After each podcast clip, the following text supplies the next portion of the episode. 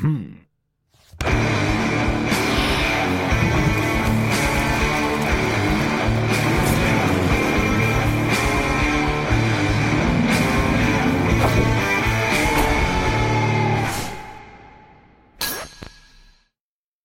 pre svega, hvala ti puno što si došao. Nema frke. Go, golube kućo. Veliko Već mi se zovem golub, bre. Naravno, slobodno, mnogi ljudi to rade. Da, da, da. Golubi, golubi labud. Golube, brate Golub, moj. golubi labud, a ti znam da imaš fascinaciju golubovima. U, ima me neko ludilo tu. Ptice, golubovi pogotovo, kao ur, urbane, urbane ptice. Vrane, gavrani, golubovi, da, da, da. Ali posebno su mi golubovi zanimljivi zato što šta je evolucija napravila, koliko su se golubovi adaptirali da kad si posljednji put video goluba u šumi, u prirodi negde? Pa pravo ti kažem, ne znam kad sam poslednji put bio u šumi, u prirodi. Ali, ali pazi, recimo golubovi, ja sam primetio golubovi u Americi, su čovječe ovoliki ko kokoške. A kod nas manje, isto, sa, isto, isto ko veverice. Veverice u Njujorku. Mrgje čovječe, ovolike.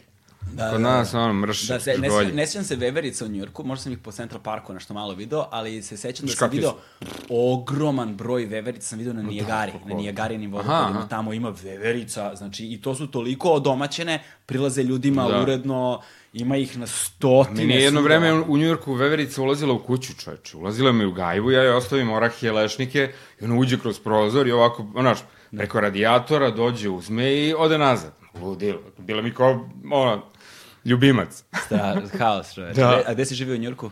U Brooklynu. U Brooklynu, a? Da, ba, Williamsburg ili... pa da, Williamsburg. To je sada naj... Južni, južni Williamsburg. Da, to je sada najekskluzivnija lokacija na svetu. fazon. to je sada, takav hipsteraj, o, muka te uhvati, majke mi. Da, najgentrifikovaniji Uh, deo. Brate, baš je onako, a bilo je i tada, bilo je i pre 10 godina, mogu zamislim sad. No, sad, ja ja sam zbog bivše firme u kojoj sam radio imao priliku Mhm. da idem jer se centrala nalazi u Williamsburgu. Ma znam, znam i koja je firma. Da, da, da, to. Znam i ljudi iz centrale. to, to, to, to. E, i onda kad smo išli tamo, naravno, sve se vezivalo za taj kraj. Imam drugara, Žuću, pozdrav za Žuću ako sluša. Ovaj, Žućo, zveri. Ne, Žuća, Žuća je otišao u New York, ima, ja mislim, 20 godina sigurno i više.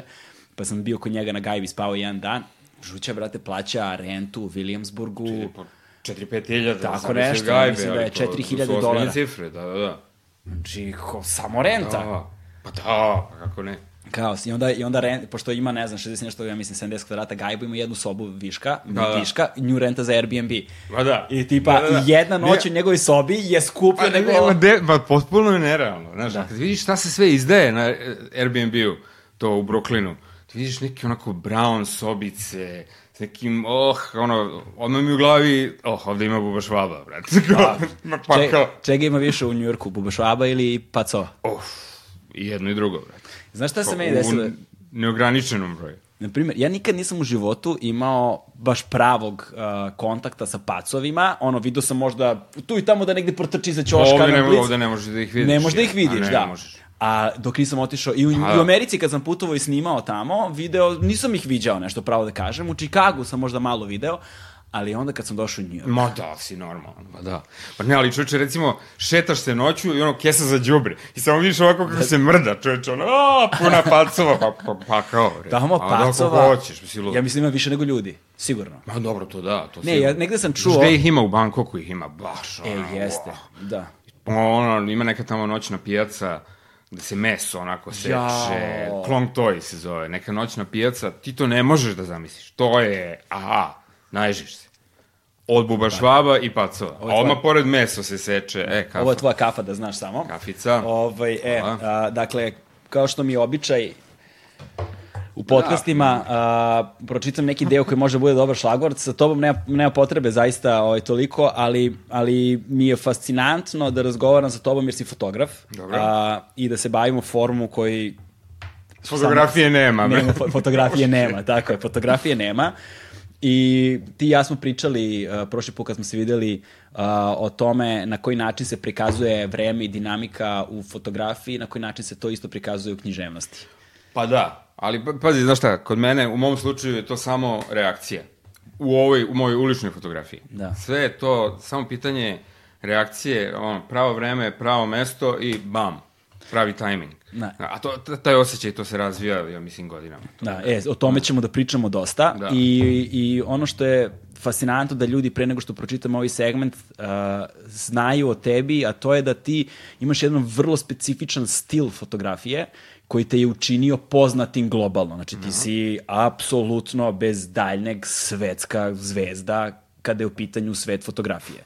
I to si već dugi niz godina, znači nisi se juče pojavio, nisi tu 5, 10 godina, ti si tu mnogo više.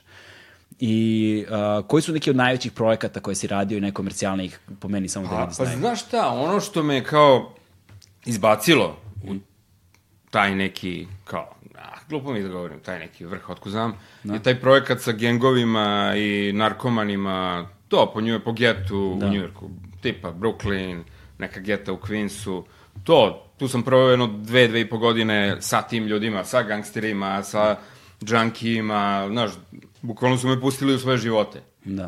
To je jedan. Onda radio sam Kingston, Jamajka, Moskva. To su mi neke knjige koje su izašle. Znaš, mogu da ih da nazovem i projektima. Onda favele, neke favele tamo, Rio, Sao Paulo, to. Pa svašta. Da. svašta. E, taj socijalni stalež... Ali, ali pazi, ne samo, ne mogu da kažem, ne jurim ja samo tu socijalnu priču, ne jurim ja samo te neke ekstreme. Da. Sad, to je možda bilo ranije, sad, sad više nije. Mada pazi, mada pazi, ako se desi, ja ću da ispratim. Nije sad da ću da, da pobegnem. Ali nisam nešto sad da idem pa da jurim nešto... Ali postoji ono, to, tome smo isto pričali nas dvojica, uh, kada fotografišeš neš- nešto, Da. ipak ono što si ti, tvoj karakter nekako izlazi na površinu te fotografije. Pa dobro, znaš šta? Tebi čovek i da da neku najobičniju stvar. Kad na da slikaš recimo kuce i cveće, to će imati neku možda malo mračniju komponentu. Ali znaš šta, ti, ta, poenta, ja mislim, kod svak, u svakoj vrsti umetnosti je taj lični pečat. A do toga treba da dođe i to traje recimo, ja mislim, 10 godina. Ja mislim, šta god da radiš, tebi treba 10 godina da bi postao u tome dobar. Da. Da li je to neki sport, da li je to Ma To- bilo šta. to da, sečeš, 10 da sečeš šunku, tanko, onako najbolje na svetu, ja mislim 10 godina. Znaš, tako to ide. Tako da, to je oni suši čuveni... 20 godina. Eno, onaj Giro Dreams Giro of Sushi. Dreams of Sushi, da, da, da. To je oni, koliko njemu, 70 godina mu je Ako trebalo. hoćeš i još nije kao on zadovoljan. Jo, još, ima na, još ima prostora za napredak. Možda možemo tebe da izvučemo iz mraka, ali pitanje je koliko možemo mrak iz tebe. A, može, ovaj, I u vezi sa time, uh, razmišljao sam puno šta bismo mogli da uzmemo što bi se dohvatilo na jedan transgresivan način te socijalne tematike ili nešto što boji živote i okruženje um, ljudi sa margine, nazovimo ih tako. I tu je naravno pregršt autora koji mogu da se koriste od Raymonda Carvera koji je pisao o tim takozvanim malim ljudima, pa preko Čaka Polanika koji je pisao o tome obsesivno u svojim romanima, najpoznatije po Fight Clubu, na primer.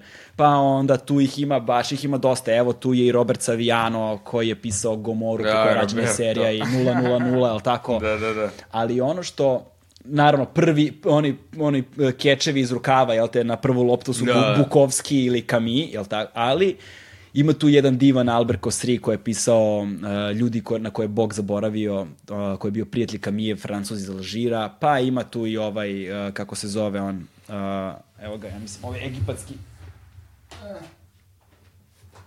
egipatski Nobelovac, Nagib Mahfuz, uh, Mahfuz, ovaj, razgovori na Nilu, on je isto sjajan.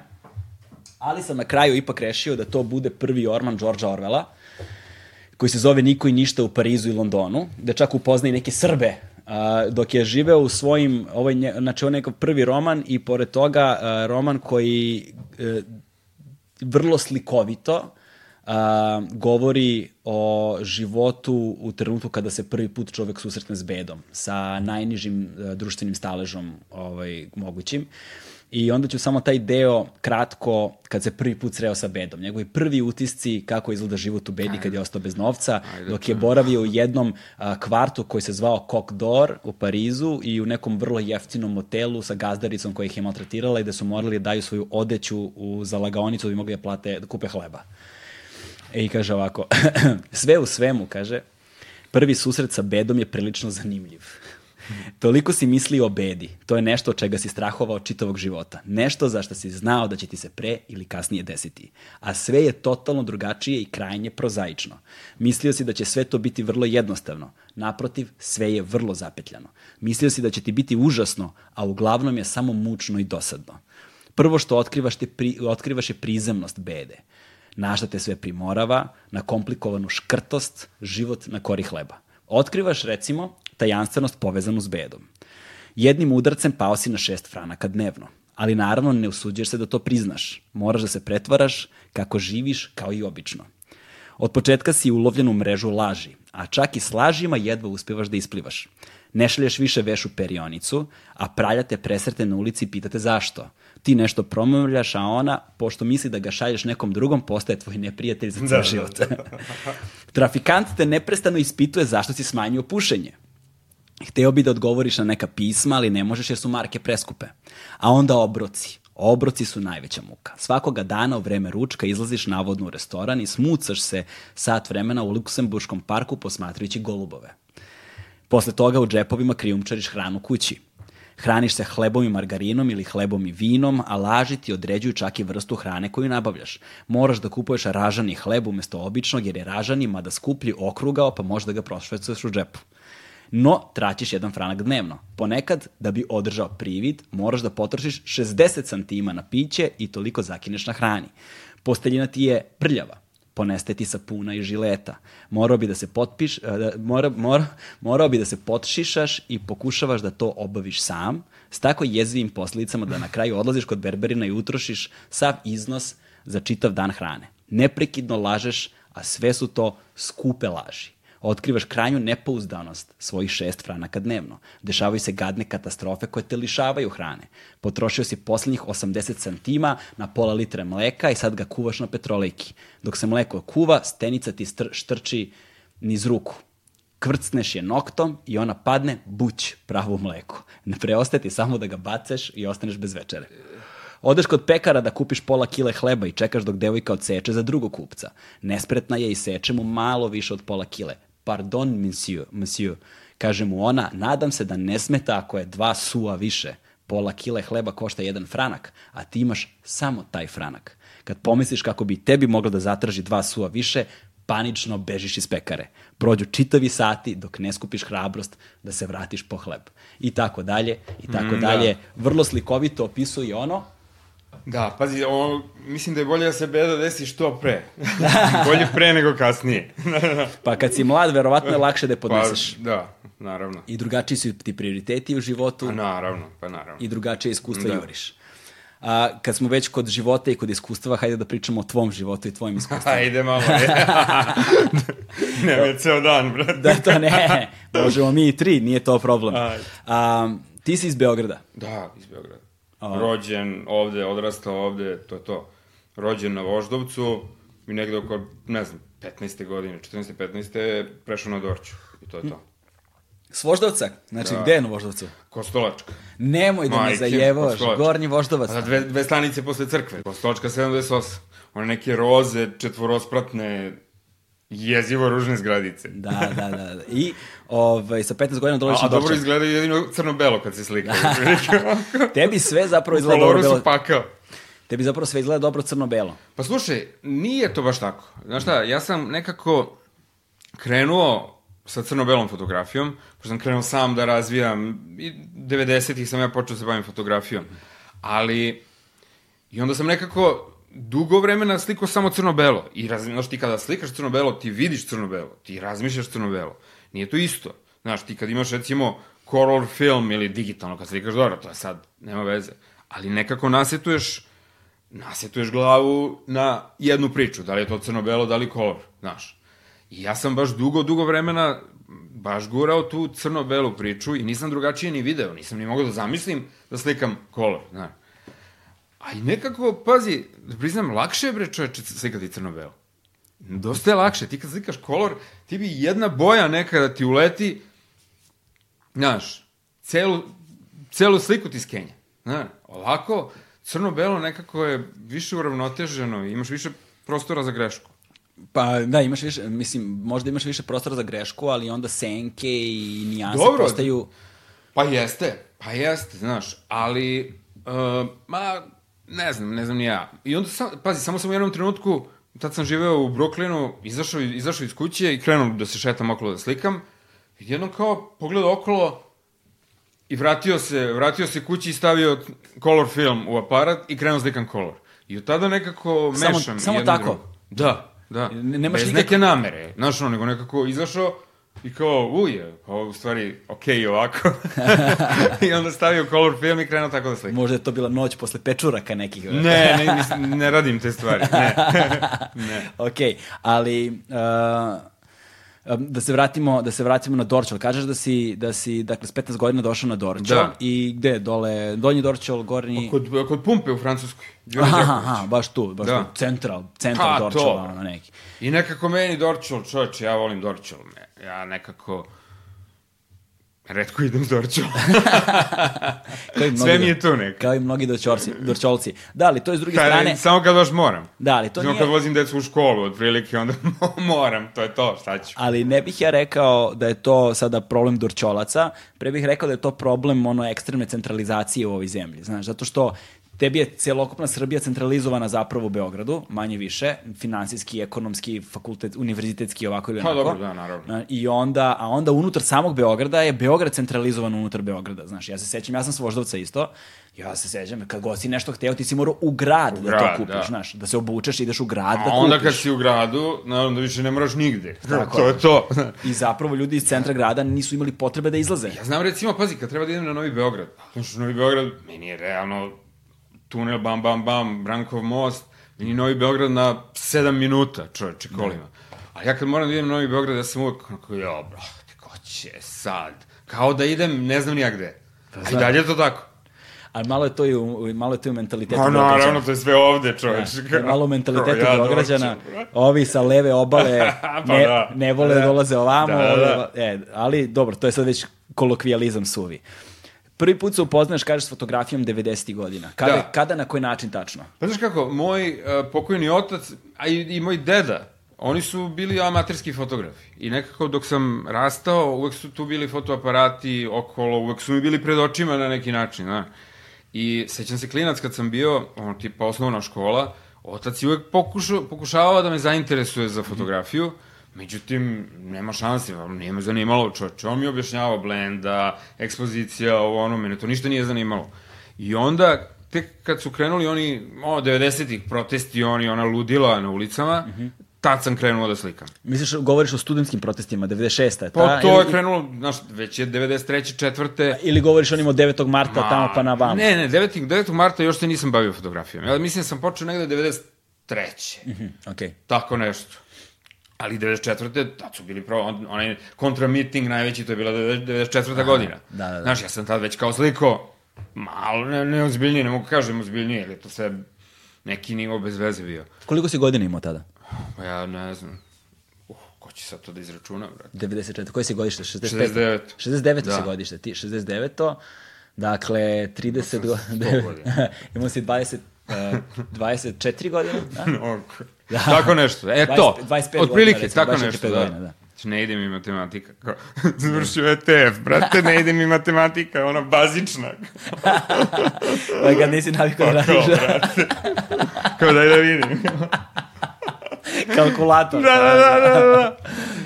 E, um, i ja sam tad, tad krenuo da slikam, ovo, otko znam, to mi je bilo valjda zanimljivo. Međutim, znaš šta, ja posle kad sam raz, razmišljao o tome, zašto sam ja kao krenuo slikam i te protesti i to, znaš kako, ja mislim da stvarno ima veze to što sam ja iza kamere, kamera ti pravi neku barijeru, čoveče, i ti kao da ne učestvuješ u onom ludilu koje se dešava. To ti je bukvalno jedan od načina da sačuvaš neku dozu normalnosti u svom onom ludilu koje se dešavalo.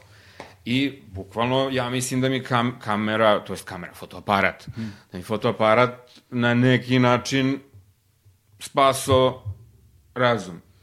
Da, pa znaš ako moguće, to je priča koju sam čuo više puta i Velja, naš poznati uh, ratni reporter, duše kamera je u pitanju, Da, da, da, znam da, je. Gor, Go- Goran Tomašević, jel te, Da, sad da, dobitnik znam. Pulicerove nagrade i još neki tako ljudi, oni su isto govorili i sad ne, ne, i na mnogim drugim stranama sam čuo i kroz posao prosto Da. kojim, kojim sam se bavio i bavim i dalje ono, dosta dugo, upoznao sam razno razne ljude i oni su svi govorili, čak i u ovom podcastu kada sam razgovarao sa Zoranom Kesićem, koji je inače ono, celog svog života bio ono gonzo novinar koji je išao sa kamerom i snimao i beležio sve i svašta. Ovaj, uvek su govorili da je postoji taj jedan, a, taj jedan a, to je jedno posredovanje koje čini objektiv. Pa da jeste. na neki način nisi učesnik Pa događaja. nisi učesnik, čoče. I to mi se dešavalo više puta. Znaš, na primjer, meni se dešavalo da slikam nešto i... Dobro, to je sad malo druga priča, ali recimo, znaš, dešava mi se, ja slikam i, znaš, dok slikam, meni su ruke stabilne, tu nema, nema greške, bam, bam, bam. Kako spustim aparat da promenim film, krenu mi se tresu ruke, znaš, to, se isto, to mi se isto dešavalo. Jel, ali bukvalno pravi tu neku U kojim barijeru. situacijama ti se to dešavalo? Ma to mi se de- de- dešavalo, evo, šta sad pade mi na pamet. Bio sam u Brooklynu u nekom crack house-u, to ono, kao gde ovi dolaze da puše crack i tako to. Bio sam s jednom ženom koju sam znao, kao, ne mogu kažem da mi je ortakinja, kao crackhead, da mi je baš ortakinja, ali s njom sam bio i sad ona otišla, ja u nekoj sobi tu stojim, prazna onako soba, ja stojim u nekoj sobi i um, ona otišla da kupi crack. I ja čekam. I ulazi neka, ulazi neka žena izbezumljena i drži čekić. Izbezumljena onako, o, o, i drži čekić. A ja sam imao nož, imao nož u džepu sad. I ja sad gledam nju, nož mi u džepu, pogledam kroz prozor, ono dole neka bodljikava žica i neko staklo izlomljeno. Rekao, rate, skočim kroz prozor. Ćao, gotov sam. Znaš, kao, šta sad, izvadim nož, bam, bam, bam, kao šta da radim, šta da radim, šta da radim, teka, teka, teka, teka, teka. i u tom trenutku ova ulazi, ova moja prijateljica i ovo je kao, e, čao, desi, evo je ovo je moj prijatelj, Bugi, bla, bla, bla. I ja ono kao, uh, okej. I, I tu, je, tu mi se dešavalo, znaš, ono, bukvalno to slikam, ali opet ti ne znaš kako će se razvije situacija, znaš, i bukvalno mi se dešavalo, slikam, znaš, i sve tak, tak, tak, tak, tak, sve okej. Menjanje filma, ne ide mi baš. o, ali, ali up, uspeš ipak da ga promeniš. A uspem, kako ne. A sad u tim situacijama, da li ti se dešavalo, mislim da smo o tome već pričali, ali da li ti se dešavalo da postaješ svestan da fotografišeš neki užasno važan trenutak koji će se desiti sad i ko zna da li će se ikada ponoviti, Pa, dobro. a da ti, na primjer, ne uspe fotografija. Nije mi se desilo. Nije, da kucim u drvo. Nije. Ali, nije mi se tako nešto desilo. Ali, znaš ti kako ja razmišljam? Ok, užasno važan trenutak. Ja sam to, evo, ti, o ti trenuci sad o kojima pričamo, to krek, ovo ono, ja sam jedno 200 puta gledao njih kako puše krek. Tako da, ako mi ne uspe tad, uspeš će, uspeće sledeći put. Da, Nije da. problem. Da, ono, ovo kad se pucaju u venu, sam gledao isto Da. milion puta, znaš, i onda kao uvek ima sledeći put. Da. To pištolji, uvek ima sledeći put. Znaš, nije problem. Znaš, E, ali sad ono što je meni baš zanimljivo kad si pomenuo te pištolje, tebi je na naslovnoj stranici prve knjige, da, a, su ti zapravo likovi sa pištoljima koji, koji ono, klasično se hvale, ali ono što Ma je, da, ali ono da, što je, poziranje klasično. Ono što je fascinantno kod te fotografije, te naslovne fotografije na tvojoj knjizi, jeste što je u bluru, ni, celo nije u Pa fokusu. slušaj, a malo je kao u fokusu Samo cep, pištolj. cep pištolja. Da. Ali nije ni ona baš, baš, baš u fokusu. Ali mi se mnogo svidela ta fotka. I ja se sećam, izdavač je bio, pa kao, kako mutnu fotku na naslovnu stranu. Rekao, ma ostavljamo, mutna ili ne, ide na naslovnu stranu, to je to. E, Mm. i sada, i ono što sam primetio jeste da kroz tu knjigu provejavaju konstantno ljudi s, sa naoružanjem. Da. Ali uglavnom su to ljudi koji se hvale, manje više. Pa, nije, sad jeste. to, nije sad to da on stvarno nekome Ma preti, ima, nego... ne, ima, je- ma, ima jedno i drugo.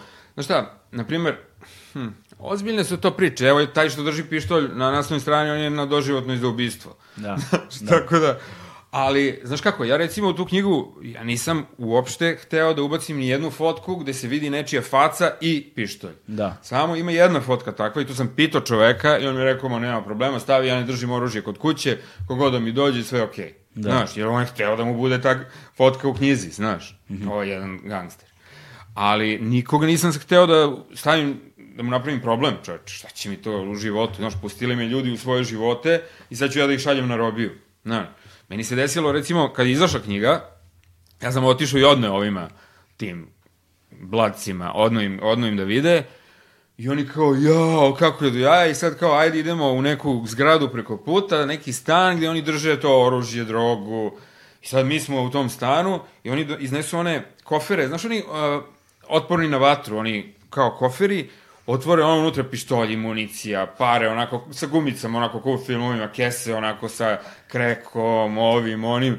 I rekao, pa brate, meni je ovo trebalo za knjigu, šta mi ovo sad pokazuješ, kao knjiga izašla. On je kao, pa znaš da kao mogu si sve da nastaviš u zatvor, kao, a nisi, sad možeš da vidiš šta god hoćeš, sad nije problem, kao, sad možemo ti verujemo skroz, kao, nije problem. Ha. I to je materijal za drugu knjigu. Pa, brate, ali znaš kako, nekako i to knjiga, ova, ona, ne želiš, ja znam kad mi, sećam se kad mi je ta prva knjiga izašla, to pištolji, droga, ja nisam nikako hteo da mi sledeća knjiga bude to sad, ja sad slikamo gangove u LA-u. Onda si ti definisan time, čoči, to je to. I onda se to od tebe očekuje. Ja mislim da ti, kada slikaš, ti moraš čoče da pratiš svoje srce i da slikaš šta se tebi slika. Čak i ono, pogotovo kad si to na vrhuncu nekog tak, slave, kad imaš ljude koji te prate, gledaju i to, onda možeš da ih povedeš u koju god hoćeš stranu, znaš. Sad slikaš šta se tebi slika. Kao uspeš, uspeš, ne uspeš, idemo dalje, znaš. Ja mislim da tako mora. Nemaš ti da, znaš, kad ti vidiš, mi se svi menjamo i kao ljudi i kao ne mi kao, i fo, kao fotografi. Znači, menjaju ti se interesu. Ako se ti menjaš kao čovek, evoluiraš, evoluiraće na neki način i ono što slikaš, tvoje teme, interesovanja u fotografiji i to. Ti ako vidiš da, da neko slika non stop jedno te isto, onda nešto s njim nije u redu, ja mislim. Ili radi ono što se od njega očekuje, što publika od njega očekuje da vidi, što je po meni bez veze, ili, se, ili je kao čovek onako jedna stagnacija, što je isto bez veze. Da. To definitivno ima smisla, posebno kad govorimo o umetnosti uopšte, mada i u ma životu. Da, mada i u ma životu. i u životu, bre. I u životu, znaš. Ne možeš da živiš život, znaš. Ima ljudi koji mogu, ja svakim mislim čast. da treba da ga živiš, ono, ja mogu da dobijem kiselu neku ili Može, običnu da. vodu ili tako nešto. Šta me ove, da umrem od žeđi, šta mi radite ovde, to? Pa daj. Pa ima čaša. Kakav je to način? Pa ima čaša, kućo. E, imam čašu, brate. da, ovde. Ima čaša. Ste me doveli ovde da me mučite. Ja. I ovo, ovo ima da ostane. Da, ostane da. Samo reklama da se ne vide brendovi, to ćemo da smutimo. Da. Ove, nego, kada govorimo, kada, kada govorimo baš o, to, o toj, toj evoluciji, o tom menjanju, znaš, postoje opet i neke druge stvari, baš smo pomenuli Giro, Dreams of da. Sushi, znaš, on radi jednu istu stvar Slušaj, celog života. Ali to je baš respekt, da. znaš šta, jednu istu stvar, ali ta jedna ista stvar uvek može da bude bolja. Da. I uvek postoji prostor za napredak. Ja da. sam siguran u to. Znaš, a a, ti možeš i da, čak i kad pomisliš da kao, a ovo nema dalje, ma ima. Čovječe, sam sebe iznenadiš.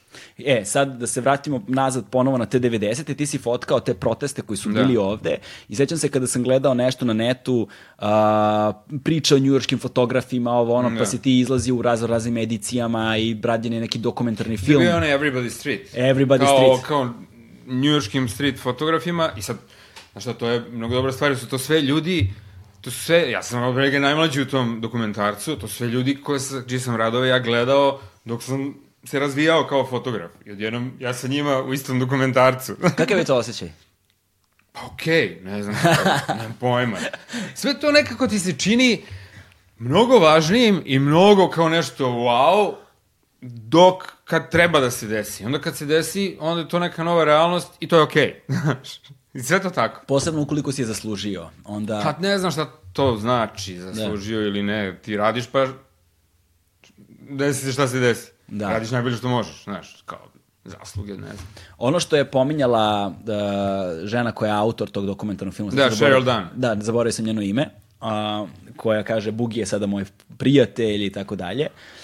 Ona je navela nešto što upravo govori o toj vrsti habitusa koja je specifična za nas ovde.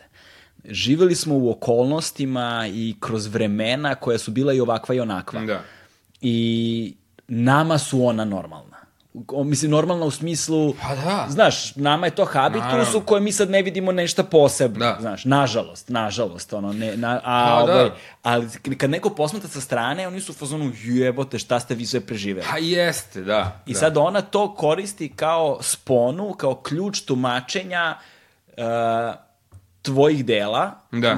u, u, u kontekstu Naravno da je onda on mogao lako da ode u crack house među gengove, pa, kada je odrastao u sredini u kojoj... Pa znaš, ima i to, pazi, ima i tu neke istine, znaš, ali nije, nije, nije ni samo to. Da. Znaš, nije ni samo to. Jednostavno, znaš, ja se nekako ne foliram pred ljudima i ja ih nekako ne sudim, znaš, preterano, jer ja sam mislim da Svi mi, može, svi mi možemo tako da završimo, i nikad nije ni kasno da se tako završi, sve pitanje je jedna pogrešna odluka i eto tebe, znaš, Da. u toj situaciji. I onda ja sve te ljude gledam kao sebi ravne, što oni jesu. Ja tako gledam. I oni to osete, znaš, te neke stvari se, ja mislim, osete na nekom energetskom nivou, pre nego što uopšte počneš da pričaš s ljudima. Znaš, ja mislim da je već tada sve rešeno. Da, da, da. Siguran sam u to. Kako moj uh, dragi prijatelj uh, Darko uh, kaže, neki ljudi se upoznaju, a neki se prepoznaju. Pa jest. I to je zaista velika istina. I naravno u, u poslu kojim se ti baviš i u tvojoj umetnosti, profesiji, um, je to, ja mislim, ključan faktor, posebno kada govorimo o ljudima sa margine koji su po definiciji negde nepoverljivi. I, Pa da. I gde su posledice, odnos, odnos nagrada i posledice radikalno dra, drugačiji nego u svakodnevnom životu. Nekako mene ti ljudi sa margine mnogo vole, čoveče. ja sam njima, ja sam njima nekak, ne znam uopšte, uopšte mi nije to jasno, ali ja sam njima zanimljiviji nego oni meni, čoveče. Znaš, ono, nekako, znaš, baš se lepe. Ali pazi, postoji sad, to mogu sad kažem iz ličnog iskustva, dakle, postoji jedna ogromna razlika a, u energiji na, u, kada posmatra čovjek tvoje radove i, Da, kada, da, da. i kada vidi tebe uživo. Baš da bi... Znaš šta, tvoj- Očekuješ tvoj- nekog depresivnog, brate.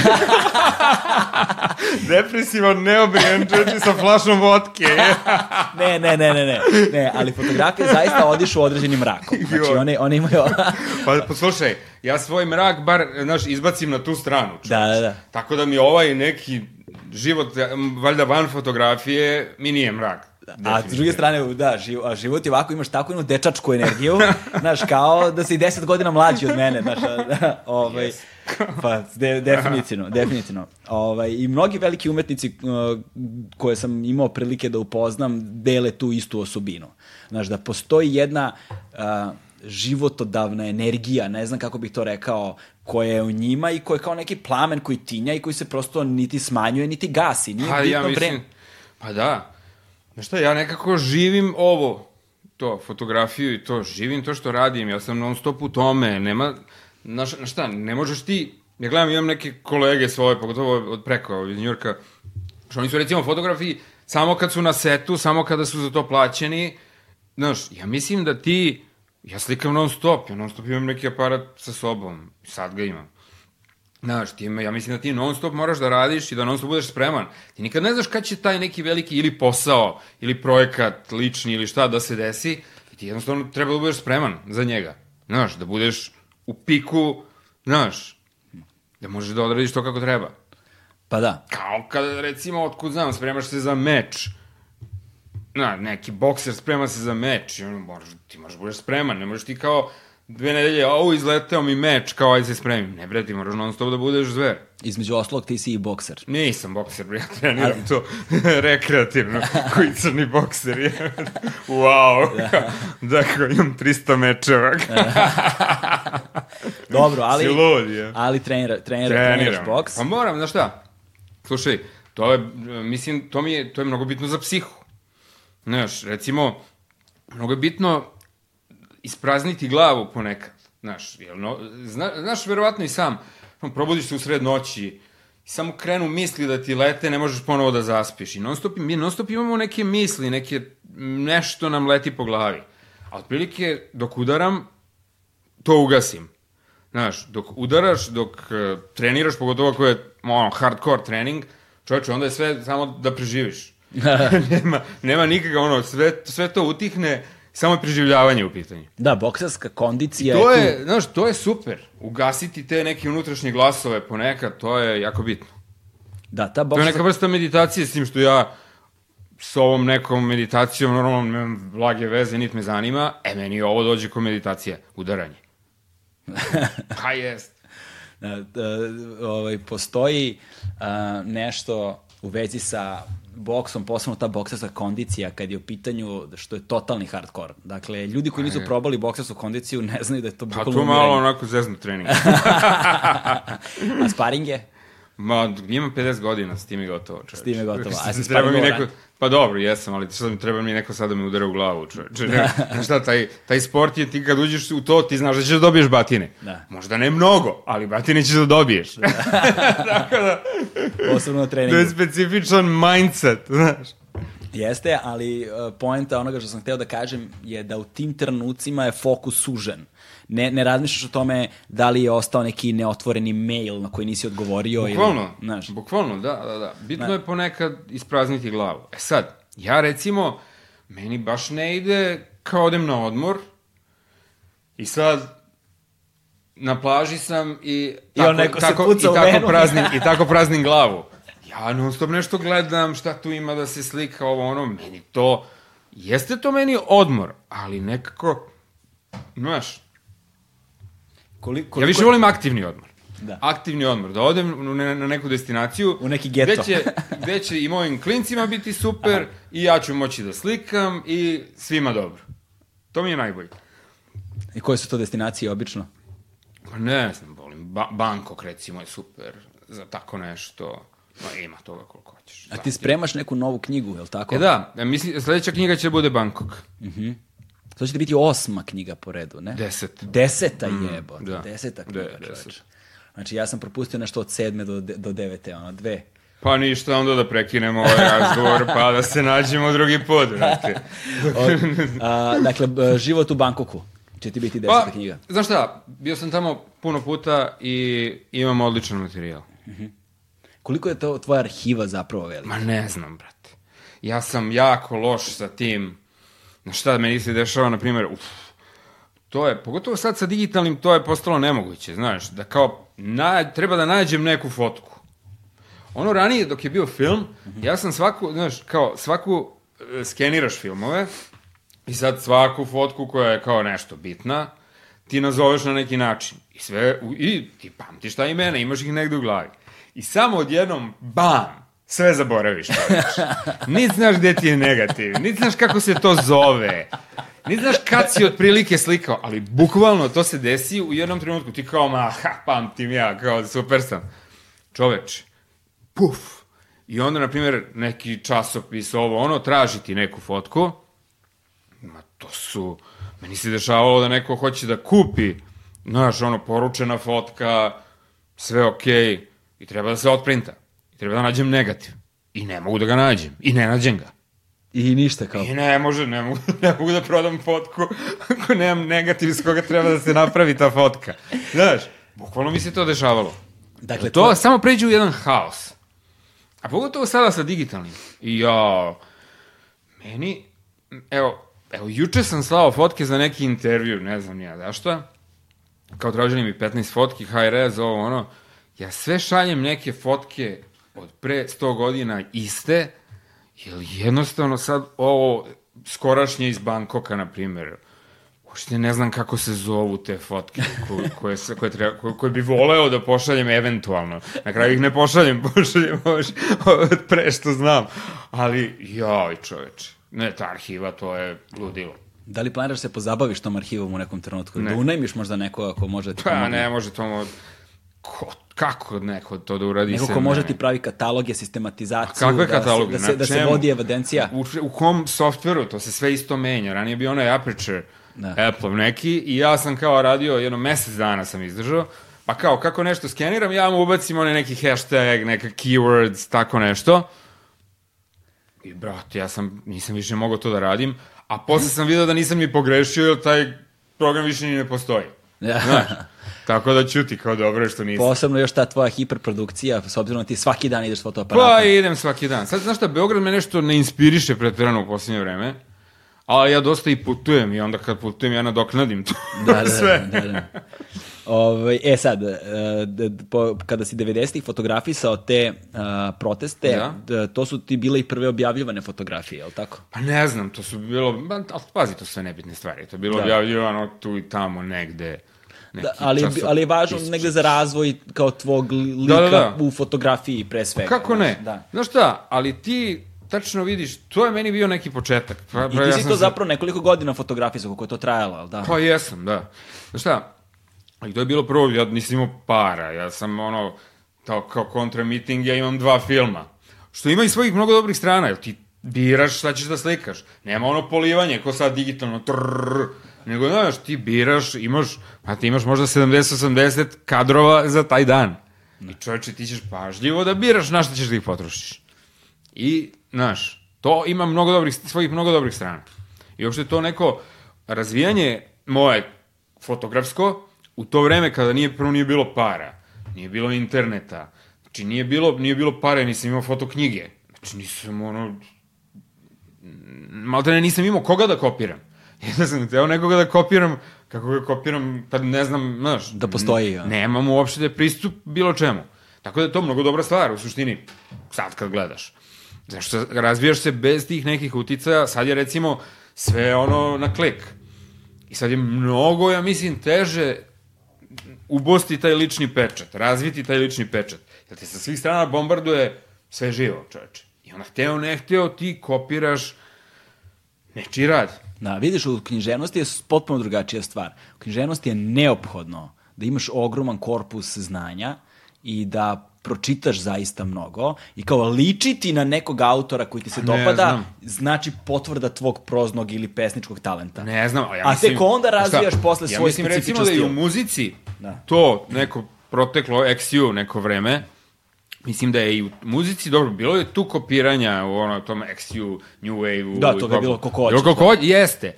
Ali, s jedne strane, ipak je tu bila jedna zatvore, zatvorenija zemlja, gde su postojali stvari koje su se razvijale onako nekako same od sebe i bez puno uticaja. Znaš, i tu su neka remek dela, znaš, izašla odatle. Jeste, ali s druge strane su i socioekonomske okolnosti bile takve da je bilo mogućnosti da se to razvija. Pa dobro, da. Znaš. Koliko toliko. Da. Znaš, jel ti kada pogledaš, neko ti priča ono, uh, ono priče kao XU funk, ti vidiš to je ovoliko ploča, znaš, to je ovoliko ploča. Nema tu sad, a recimo, dobro, sad glupo je i poređenje sa Amerikom, znaš, Da. gde je tad i bilo para i gde svaki bend skupi se njih petorica i imaju, imaju mogućnosti para da izdaju single, koji, pro, koji se prodaje recimo samo na koncertu i sad taj single košta 500 dolara na Discogsu, znaš. Tako da to, to je jedna neograničena, to je, znaš, To je jedan pregršt. bunar bez dna, čoveče. Na primjer, ta ista muzika u Americi, gde se non stop otkrivaju neke nove stvari zaboravljene i toga ima koliko hoćeš. Da, ima onaj dobar dokumentarac Death the Band, koji je jako dobar, koji govori zapravo o rođenju panka pre panka. Nešto Aha, 10-15 ne znam, godina pre panka, tri brata crnca iz Detroita, čini mi se, da su otkrili ploču neku njihovu, koja je ono iz O. 50 i neke godine, O, bre. znači od 20 godina pre panka, koji su svirali ono punk trash metal. A vidiš, recimo, oni su sigurno sami bre izdali tu ploču sebi. Znaš, verovatno nisu našli label koji ih je gurao i kao snimaju. Znaš, tamo je to. Bilo, bilo je finansijskih mogućnosti da svako to uradi ko hoće. E, uh, ti različiti uticaji sada, uh, e sad pre, pre svega toga, zanima me gde si naučio, i, jesi to od Ćaleta ili od koga naučio kao, ono, pošto ti nisi školovani fotograf. Nisam, ja ne, imam, nemam ni dana formalnog Obrazovanja. umetničkog obrazovanja. Kao obrazovanja, uopšte, kao, Bugi nije išao u školu. E, ovaj, Neobrazovan, e, da, li, da li si se sam učio da koristiš fotoaparat ili te neko učio? pa slušaj, tata mi je pokazao one osnovne stvari, naravno. I neke osnovne stvari u mračnoj komori, u dark roomu. Aha, znači ti si odmah počeo da razvijaš. Pa jesam. Pa ne, znaš, tada nije bilo drugog načina. Ti kupiš taj crno-beli film, ti moraš sam da ga razviješ, otprilike nije, mogo si kod ovih nekih u ovim nekim fotoradnjama, ali je to nekako bio logičan put. Da. Znaš, ti ga sam, ra, sam razviješ film, cap, osušiš ga i onda je da vidimo, razviješ i fotke. Nisam nikada... Čebe na prozor, znaš, Da. i crveno svetlo. Nisam idemo. nikada u životu probao da razvijem fotografiju i znam samo kolokvijalno iz filmova i serija. To je magija, čoveče. To ti je... Ja mislim da u tom trenutku, to prvi put kada sam video kako se to pojavljuje u onom fiksiru, znaš, kako se pojavljuje ta prva fotka, ja mislim da je tad bilo odlučeno čime ću se baviti u životu. To je bilo to. Koja je to bila fotografija, da li se A sećaš? to, da, sećam se. To je bila fotografija moje drugarice i kumčeta Vesne. mislim se čisto portret. Da. I, porte, I onda si otišao, koliko si imao godina? To je taj, taj To period. je to, Da. 93. ja mislim. Tako I nešto. otišao si u komoru, Pa mislim u komoru. Ćebe na prozor. U i... svojoj sobi. Da. koliko je zeznuta ta hemija? Ma nije to ništa. To Nije. je sve lako. To, znaš šta, od svega toga se pravi neka fama, to je toliko lako i to je prostor za grešku, pogotovo kod crno-bele fotografije, prostor za grešku i temperaturu i sve to, je baš veliki, nikakav problem. ajme objasni korak po korak, pošto ja to stvarno ne znam. Šta se dešava, kako je, ako ja sad, na primjer, kupim film, iškljio sam ga negde u gradu Da. i hoću ja sad kod kuće da razvijem, Pa, a ne znam ništa o doznu. tome. Evo, imaš doznu, to je jedan ovako, jedno burence, tubus jedan, i tu ubaciš u špulnu, ubaciš film, tap, tap, tap, u, sve, u potpunom mraku. To se radi pod ćebetom, recimo. Da.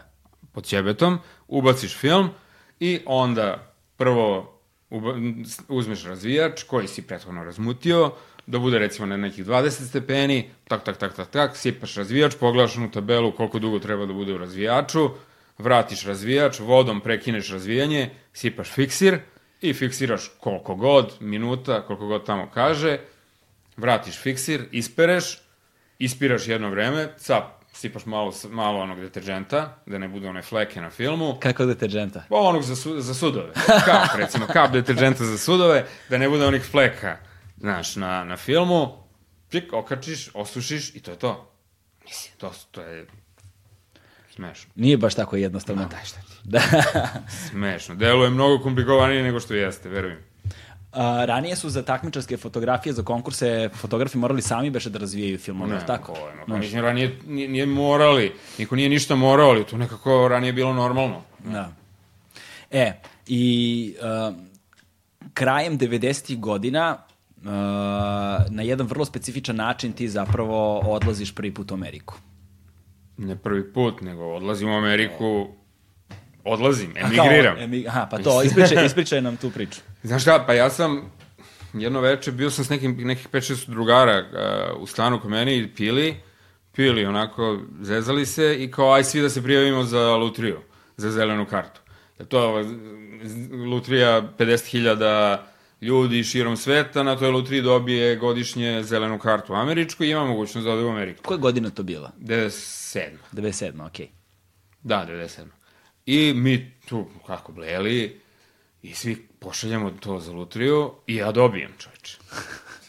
I onda, kao, ja ne da nisam očekivao, znaš, naravno, kao šta ćeš, moraš da ideš, ne možeš da budeš sisa i da, da ne odeš. Ako već ti se ukazala mogućnost. Znaš šta, treba celog života da razmišljaš, jao, šta bi bilo da sam otišao ono, šta će ti to? E, ali imaš neki vremenski, jesi imao neki vremenski rok, rok u kojem si morao Ima da odeš? neki vremenski rok, ne znam kako to ide. Ne mogu sad ni da se setim, mnogo davno bilo. Da, da. I odem, i to je to, čuč, odim bez ičeg, da, tako je. Bez, ono, bez, Gde- gde- sa minimalno para, sa, bez ikoga tamo, bez jednog konta, znaš, ono. Sam, sam si potpuno, se u Pa, dobro, otišao. da, tipična emigrantska priča. I čekaj, seo si sam u avion i gde si otišao? Pa u New York. I kad si sleteo, si Pa imao ništa, neki ne, kontakt ne, pa imao sam, znaš, ono, neću da idem sad u detalje. Imao sam neki kontakt gde da budem, ono, par dana, ovo, ono, ali to je sve bilo vrlo labavo. Znači, nisam imao 50.000 dolara, sebe nego nešto minimalno, ono. Pa klasična migrantska priča, da. I šta si radio tamo u početku i na koji način se razvijao zapravo tvoj ono kako se tvoja fotografija razvijala sa time? Uf, pa opet klas, tipična, kad bi morao ponovo da prođem sve to, verovatno bi se obesio. Mislim, sigurno bi se obesio. Pazi, te priče su sada aktuelnije nego ikada ranije, Da. zato što sada imamo ceo taj novi talas odliva mozgova nakon 2000. godine. Pa naravno, da. Znaš, gde zapravo imamo tu ekonomsku, kri, ekonomsku migraciju ne? veliku i mislim da su da je tvoje iskustvo i tvoje priče da su vrlo vredne i ja bih se Znaš ono šta? posvetio Pazi, bih im se malo. Znaš šta, u početku, evo, u početku sam radio, na primer, za nekog našeg tipa sam presnimavao neke videokasete i raznosio za neke smešne pare, mislim, to je neki pakao. I onda sam, a onda sam našao, pošto sam ja ETF ovde završio, jel te, onda sam našao, uh, našao posao u nekoj bolnici u nekom uh, biomedical department, to je kao ono odeljenje što, što ovi što popravljaju instrumente i tako to po bolnici, tu sam našao posao, isto za ono što su neke smešne pare, Šta si za radio život u tamo? Americi. Pa kao popravlja uređaje.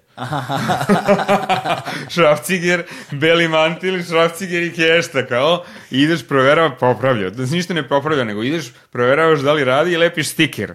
Nalepiš onaj stiker, nalepiš nalepnicu, kao, provereno tad i tad, isto tvoji inicijali. Znaš, i kao, eto, to sam radio. Mislim, debilan, jedan predebilan posao. I onda sam onda, onda tad je web dizajn bio aktualan, znaš. I ja, ja veze s tim nisam imao. Ja kompjuter uopšte nisam ni imao dok nisam otišao u Ameriku, znaš. Tamo sam kupio onaj Mac, prvi to sam Mac kupio zato što mi je bio najlepši.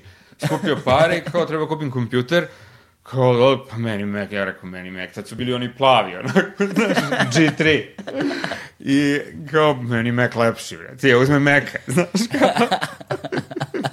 I, I onda, kao, web dizajn je tad bio aktualan, i ja kao, ja da naučim web dizajn. I ja, pošto nisam imao, nisam imao pare, pošto nisam imao pare da kupujem sad te učbenike iz web dizajna, ja bre, zarađivo bedu. I onda odem u biblioteku, u ovom, biblioteku, u knjižaru, kupim, pa isfotokopiram tamo na poslu, u bolnici, pa vratim, znaš, knjigu i tako, i onda sam ustajao, recimo, ustaju u pet ujutru, svako jutro, pa učim to, pa idem na posao, pa se vratim s posla, pa učim i tako sam, znaš, naučio taj web dizajn. A pre toga sam ja, znaš, pokušavao sam fotografiju, međutim, znaš kako, kad niko oko, kad niko oko tebe ne veruje, kad niko ne veruje u tebe, i ti onda sam izgubiš veru u sebe, to je pa kao, kad, kad izgubiš veru u sebe, to je, to je ćao. E, meni se to desilo, i ja sam bukvalno prodao sve svoje aparate na ebayu tada, sve sam prodao i rešio da prestanem da se bavim fotografijom. I dve godine se nisam bavio fotografijom. Evo, među vremenu sam radio web dizajn. I postoji ja kao zvezda u tome, znaš. I imam neku knjigu Contemporary American Graphic Design, ja u, ja u knjizi, moji radovi, znaš. Ja postao u web dizajnu mrga. Evo te, zamisli ti to čoveče. Da. da. Dve godine se uopšte nisi bavio Nisam, pa, pazi, septembar 11. se desio. Ja ga gledao sa stanice, ja krenuo na posao. Ujutru, pazi, TV, bum, bum, bum, septembar 11. čoveče, udara onaj prvi avion i ja izađem gore na stanicu kao da idem kao na posao i ja sad na metro stanici. U Queensu sam tad živeo. Ja gledam i vidi se ova jedna kako gori. I udara drugi, bum. Video si avion kako udara. Ma ne znam da sam, ne mogu sad, to mi je, znaš, te memorije su podložne promenama, znaš. Da, da. To je sve podložno promenama, ja ne mogu da garantujem, ali sam gledao ovako kako gore. I da. samo se sećam, a evo ga, bum, znaš. I sećam, sećam, sećam se ovom kako se ruši, znaš. I sve sam to video, a ja nisam slikao. Nula frame-ova. Nisam uopšte slikao. Jer sam bio, ja sam tad, tad, tad je bilo god završeno sa mojom fotografijom. Wow, sam rešio da se tim više ne bavim. Zamisli da si imao fotoaparat. Pa dobro, da. Da. To je ja, ja sam to snimio, ja sam imao tada video kamericu. Mm -hmm. Neko, ja sam to snimio na onim uh, mini DV, se, znaš, seća se taj format. Da, kako ne. E, snimio sam ja to, ja to imam negde na, na, na video. Brate, to moraš da razviješ. Ne znam ni gde, ne da razvijem, to je na video. Da, da, da, ali mora da se digitalizuje. Ne da. znam uopšte gde je to, viš šta me podsjeti, uopšte ne znam gde je to, imam to bre, sekao sam to. To moramo da nađemo. Ništa, idemo kod tebe na gajbu, podrum i treba da, kopamo. Da, možda u podrumu negde, ne znam. Who knows. Da. da. I?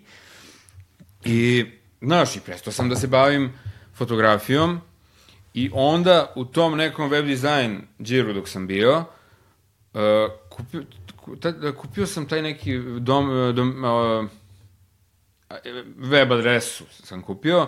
To je bila neka, bio neki website koji je prodavao uh, web adrese koje su ljudima istekle koje ljudima mm -hmm. isteknu i onda se ta, ta pojavi, meni se ovaj artcoup.com svideo, ovo što mi je i sad mm -hmm. website, meni se to svidelo, imaju ja ga bez veze tako uzmem i bilo mi dosadno jedno popodne i ja stavim nekih 20 fotki svojih od pre i kao 20 fotografija by Boogie.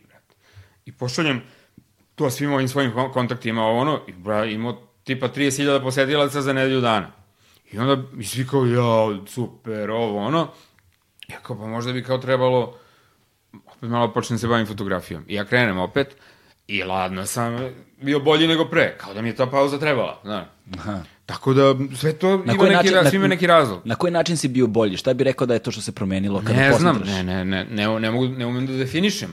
Ali nekako način na koji vidim slik, fotke moje i sve to je postalo, mislim, mnogo bolje.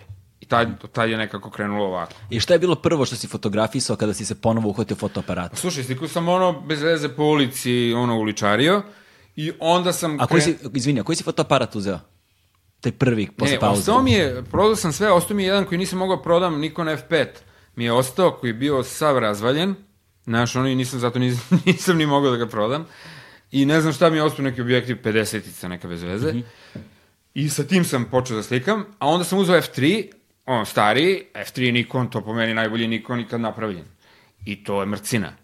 I onda sam to uzeo i par objektiva, ono, usput onako, i s tim sam onda najviše slikao. Šta to je ka- manuelno potpuno, pa, pa, pa. I počeo si da uličariš, kaže. Da, da, da, da, uličarim i onda sam, pošto sam ja tad živeo to u Williamsburgu, Brooklynu, to je ono baš hipstere i tamo ne, nije mi bilo nešto baš interesantno za slikanje. Onda sam krenuo da idem dublje i dublje tamo u one krajeve tipa Bushwick, koji je tada bio, Bushwick je tada bio geto, naš, Bushwick, Bed Stuy, to je sad sve je gentrifikovano do ludila, znaš, to sad gajbe tamo skupe, ne zna se. Da. Ali tad je to tek počinjalo. Tek su hipsteri počeli da, znaš, da se Da doseljavaju. I tad sam krenuo, krenuo sam dublje i dublje i tu sam upoznao te narkomane, krek, gengovi, sve to. No. I krenuo u tu priču. Priča mi malo više sad o tom iskustvu. E, Znači, smo dobro. ga pominjali na početku, Da. ali to, kako si ih upoznavao, kako si ostvarivao kontakte, na koji način su ti se otvarala ta vrata. Znaš šta, to je sve nerealno, čoveče, to je sve nerealno. Ja sam recimo to krenuo da se šetam, da idem dublje i dublje u Bushwick i ne, jednom na nekom napuštenom parkingu, baš ono napušteni parking, neka stara kola tu razlupana stoje, jedno tih nekih 20 nekih beskućnika i ja odem kod njih i kao, jel mogu da vas slikam? I ovi svi kao, ne, ne, ne, misli valjda da sam pandur neki undercover, otko znam. I ova jedna neka Kristina se zvala, ona kao, e, može, papi, ajde, slikaj me, ovo, ono, nije, nema problema. Ja krenem s njom tu da nešto pijem pivo, kao blame, slikam je, dođem opet sutradan i nešto tu blame, a umeđu vremenu malo i s ovim ostalima sve počelo bolje. I u jednom trenutku čeče ona meni kao, e, Bugi, kao, sad će da mi dođe ova neka drugarica, pa ćemo da pušimo krek, kao, ako hoćeš da slikaš. Ja kao, brate, ovo je nerealno. I znaš, ti, ja se tu pravim malo lud, kao, pa kao, ja ne znam šta je to krek, ovo, ono. A, znaš, znam knjigu od Eugene Richardsa, recimo, ono, Cocaine True, Cocaine Blue, i sad ti, bukvalno, gledaš tu knjigu, gledam tu knjigu ranije još i razmišljaš kao kako je ovaj čovjek sad, da li mi je platio, kako je on ovo uspeo da slika, ovo ono. Jednom osjetiš da si ti na pomolu, da je neko slično ludilo, znaš, na pomolu iza tebe, znaš. Da, da. I čuče, ova njena drugarica dolazi kao njih dve puše krek i ja tu slikam, ono, nešto puše onaj krek, bla, bla, bla. I sad tim, ja mislim, ja sam mislio u tom trenutku, wow, kao, šta sam ja ovo uslikao, kako je dobro. To je takva površina, te neke prve slike što uslikaš. To je takva površina, toliko ima iza toga, toliko i može dublje da se ide. Ti ti to, tek to posle vidiš, znaš. Treba, znaš, pro, is- isto kao s pištoljima. Pištolji i to, to je, brate, ljuta površina. Pa da, je, to je treba, do, treba to proći pa vidjeti šta je iza toga, za, zagrebati površinu, ući duboko i da, da nastavim ovo za, za ove dve. Sad ja tu počnem da blejim s njih dve, pa počnem da blejim s ovom drugom, što je došla, ovom drugaricom. I posle recimo jedno nedelju dana, deset dana, ona meni kao, e, Bugi, kao, ja ću sad idem u kupatilo da se kao puknem u venu, kao, ćeš ti sa mnom da slikaš. Ja kao, ne mogu verujem da mi se, šta mi se dešava u životu. I ja kao razmišljam, ja, a, hodamo mi ka njenoj gajbi i kao ja sve ono, a, kao, kako će ovo da bude teško i šta ja ovo radim, šta će meni ovo u životu, znaš, klasič, klasika. I ono sledeća scena, ja kao stojim na kadi, ona sedi na, na WC šolji bode se u venu, ja to slikam, i njena deca lupaju na vrata, ona špric u veni, ja stojim tamo, neka nerealna, to se neke nerealne, znaš, situacije, ali opet, dok slikam, ja sam čoveče, nema emocija, nema ništa. Znaš, malo je to možda i, ali je tako, znaš, ali depresija i to sve, to te stigne, čoveče, pa te stigne, to, od toga nema bežanja, to te stigne i razvalite. I to je, prosto, to heavy stvari, čoveče. Čekaj, hoćeš da kažeš da na primjer ti fotografišeš i dok ti fotografišeš, dakle tu si distanciran, Distanciran, ali da, da, tebe potpuno. kumulativno Ma kako ne, čoveče, pa to su bre, strašno, to su bre, strašne stvari, bre, to, bre, to su zeznute stvari, to ti sve ostaje negde u glavi. I kad te spiči, znaš, moraš da nekako znaš da se čistiš od toga. Od toga svega što vidiš. Ja nekako imam, ne, nemam neki sistem, ali mislim da sam o tome, u tome okej. Učišći. kada si prvi da put, se- kada si prvi put osetio to? Pa osjetiš, znaš kako to osjetiš? Uh, po, posle ću pređi i na te gengove, ali osjetiš po tome što ti ništa, ti odeš da, da sa svojim drugarima nekim odeš u grad.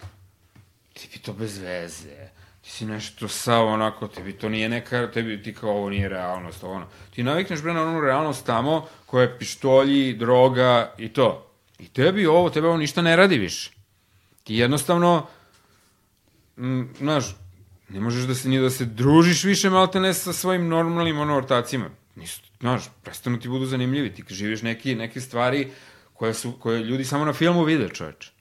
To bre, znaš, kakva je to navlaka? Znaš ti, kakva je navlaka to? To, to je tvoj krek, brate, to je tvoj krek, znaš, bio tada.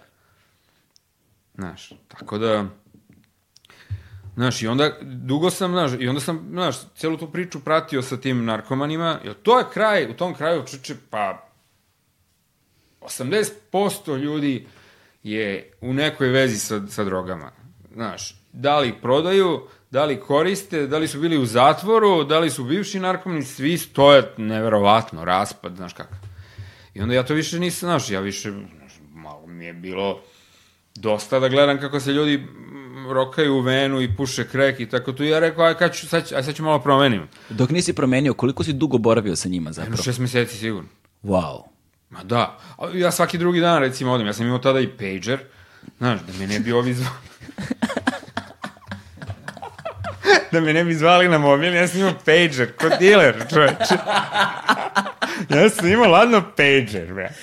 I onda mi oni puste poruku na pager i ja sa onog, eh, sa govornice, ja je nazovem i kao, e, kao, ako ima nešto zanimljivo, ako se dešava nešto, A vidiš, ali oni su tebe zvali, oni su tebe imali u mislima, u glavi. Te, ja sam postao deo scene, znaš tu. To neverovatno, znaš. Bukvalno je bilo ono ja tu blame, eto, ja sam tu kao. Ali to je, to je, znaš, to je i cilj. To je i san svakog fotografa, da ti postaneš ono neprimetan. Oni rade svoje, ti radiš svoje. I to je to. I oni tebe zovu na pager i ti se onda pojaviš. Ja dođem i slikam, znaš, ono, neko to drugiranje, šta li... Ali vidiš, fascinantna mi je činjenica da su oni tebe imali u glavi, da su oni tebe zvali. Možda ne toliko zato što su te doživljavali kao prijatelja, koliko zato što si stvorio taj most poverenja, da su znali da mogu da ti veruju, s Da, jedne strane, da, to da. i otvorenosti, gde su možda negde podsvesno oni znali da na taj način ovekovečuješ, Ja ovekovečavaš... mislim da je to. Ja mislim da ti ljudi podsvesno su sve, podsvesno su svesni. mislim da su oni svesni da, ne, da neće biti još dugo tu prisutni. I mislim da im je značilo to neko, za, znaš, beleženje tog njihovog života, znaš. Zaborav je strašna stvar. Mislim, znaš šta, meni se, šta se meni dešavalo, pogotovo kad sam krenuo u gengove, među gengove, znaš, meni je svakoga dana, tad sam gledao one logove, znaš, ono, za website i to ja sam izbacivao te fotke, iz svakoga dana su mi gledali, iz ono US Department of Justice, čoveče su mi gledali website. Ja sam se usro. Ja sam imao uvek pripremljenu neku priču kao šta ako me sad privedu pa me pitaju koga si slikao ovo ono, uvek sam imao u glavi šta ću da kažem, kako, znaš, ono, ovo, ono. Ali ako nisi u krivičnom delu, tebe policija u Americi ne može tek tako da... Pa, znaš šta, policija i sve to u Americi se dosta promenilo posle septembra 11. Tako da, sve da, može. To, da, to je istina, to je istina, to je velika istina. E, i e, nakon šest meseci konstantnog mraka i... U, Sam krenuo u svetlo. Da. Među gengove. Među ovaj, otkrio si, o, o, otkrio si zapravo da te je stigla neka depresivna Pa epizoda. nije, znaš šta, nego jednostavno, hm, jednostavno kao, brate, dosta ti je više. Kao svaki drugi dan neko se pegla u venu i sad ti one njihove, one, njihove gajbe s bubašvabama i ono i kao dosta. I onda sam rešio, onda kao ajde, rekao ću da napravim pauzu i krenuo da se šetam tamo dalje u te neke naš public housing gde su ovi gengovi. I znaš ja sa tor, fototorba šetam se tu, neki klinac sa pitbullom, ja slikam, ovo, ono je jedini beo tu, znači. nema niko, ja jedini. Hoću malo, hvala ti. I sad vidim ovi nekoli, neki likovi ispred zgrade me gledaju i oni ono, kao, gang stoji, gledaju me I kao, brate, kao, dođi za čas, ovo, ono, i ja odem, kao, zdravo, zdravo, i mi se tu nešto ispričamo, ja se njima valjda svidim, i ništa, ja tu nastavim da blejim, Čekaj, kako misliš, ispričate se i ti Pa se nešto, kao šta to radiš, rekao slikam bez veze, ovo ono, kao nešto. kao dođi vamo, Pričamo nešto, pričamo bre, najnormalnije, oni kao, šta ti to slikaš, znaš. Čekaj, Naravno, oni uvek se- počnu nešto kao, znaš, kao oni zajebani, znaš. Uvek to tako počnu, ali nekako, otkud znam, valjda im, znaš, ja njima, ja, imam, imamo, znaš, imam naglasak, ja ne zvučim kao bilo ko koga oni mrze, da, da stavim tako to, Da, da, da. znaš. A i ne delujem kao, nisam ono švajcarac neki sa cvikerima, znaš, u bermudama, nego ono, otkud znam, nekako, nije mi se ja dopao, pojma ne. I tu ja nešto krenem sa njima, tu nešto visim s njima, isto A gde je to bilo? Uh, Bed-Stuy. Uh, Sumner, Sumner Housing, tako se zvao. A, To je sve New York i dalje. A da, da, Brooklyn, da. Ovo je public housing. ono, Da, da, da. Soliteri. I Pra, ja tu, projects, kako ih oni Projects, zove. da. I ja sa njima tu i ne znam nešto, posle jedno nedelju dana ovaj jedan meni kao bojažljivo, e, Bugi, kao da te pitam, da li bih hteo da nas slikaš sa pištoljima? ja kao ne mogu da verujem, ja kao, ovo, ovo se ne dešava, ovo je kao ludilo mozga. I sad, Znaš, ti to ne možeš, ne možeš ti da pitaš nekoga kao, e, bi mogu da vas slikam s pištoljima? Da, bum, bum, bum, znaš, ćao. I čovječe, oni me uh, to pitaju i ja, ja naravno, ba, naravno da hoću, da. I sad mi tu po hodnicima, ovi izneli te pištolje, pa se slikamo, ovo, ono, ja njih nisam tad nešto dobro poznavao. Mene moglo tu da nema, znaš, ne bi nikom nikad saznao. A čekaj, samo jedno pitanje, e, pa, ćemo, pa ćeš da nastaviš. Ajde. E, Dakle, ti kada si tamo odlazio svaki dan, ti se svaki dan vraćao kući, je li tako? A, da. E, a, da li si ti imao neko svoje okruženje, neke prijatelje, neke ljude koji su ti govorili, alo bre, si ti normalan gde ideš to? Ma da, naravno, ma dobro, to, to se podrazumeva, ali šta tebe briga, niko ni ne zna do kog ludila to ide. U Da. koje ludilo ti ideš tamo. Niko to ne zna tačno. Ljudi znaš. ne pokušavaju tamo da odu. Pa ne, znaš. Koliko si tamo stranaca koji nisu lokalci Ma viđao? nikog, nikog, nikad. Nikad nikog, znaš. Ti si dakle bio tamo potpuno Pa da, izrod. pa da. Ko je ovaj? Pa da, da, Ti si da. njima bio veća egzotika nego ni Pa tebi. ja mislim da da. Ja njima bio zanimljiviji, kao vidi ovog, brate. Kako, kako to sad. Ej, čuči, mi u tim hodnicima i sad ono, ljudi otvaraju vrata i ovaj, evo ja imam gloka, evo vam glok, kao, za slikanje. Znaš, Čekaj, random osoba brate. otvori Ma stan. neki njihov tu čale od nekog, recimo, jedan čale od ovog dve mačete iznese, evo, imam neke slike s to s mačetama, kao, mislim, znaš, kao, sve to nenormalno, znaš. Svi su naoružani. Sve to nenormalno, znaš. I to ono pištolji, ovako, onako, i ja tog dana odim kući, znaš, nije mi dobro, znaš, ono kao, uje, puc, pucate onaj adrenalin, znaš, kao, a, u fazonu si isto šta mi ovo trebalo, kao, šta će mi ovo, bla, bla, a onda odeš, onda sutradan, odem opet, znaš, i sve tako.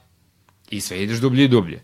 I sve sam se više, sve veće, više se s prijateljem s njima i ideš sve dublje i dublje. Pazi, ti znaš, uvijek ti svi kažu kao postoje neke linije koje kao ne treba preći, ovo ono, a ti što ideš dublje ti praviš bolje slike, čoveče. To je jednostavno tako. I sad, niko nema tu da ti kaže koja je ta linija koju kao ti ne treba da pređeš, znaš. I onda je to došlo dotle da sam ja krenuo i noću da idem tamo. Znaš, krenuo i noću da idem tamo. To bre, kao da si u filmu nekom. To je mnogo, to je mnogo, mnogo interesantno. Da. Nije zezanje. I, znaš, ja tamo bukvalno zaštićen ko beli medved. Oni mene prihvatili, mene ne sme niko pogleda tamo. Neko, neko, jednom kao, ko je ovaj, ovi, kao, šta je bilo, kao, šta ti hoćeš, to je naš brat, znaš, taj fazon. Znaš, i to je išlo dotle da, no, kao sad pričaju koju će oni deo teritorije da preuzmu, ovo, ono, i tu si onda već, o, o, počeli pre, predavno da pričaju te neke stvari koje ja ne želim da znam. Samim tim, što ih znaš, ti si saučesnik čoveče, znaš. I onda, malo po malo, ja rešio da, kao, ajde sad napravim pauzu do ovoga, pa idem nazad sad, ovamo, kod ovih Narkomana, narkomana. I tako sam išao par puta. A, koliko dugo si u tom prvom talasu bio sa gangovima?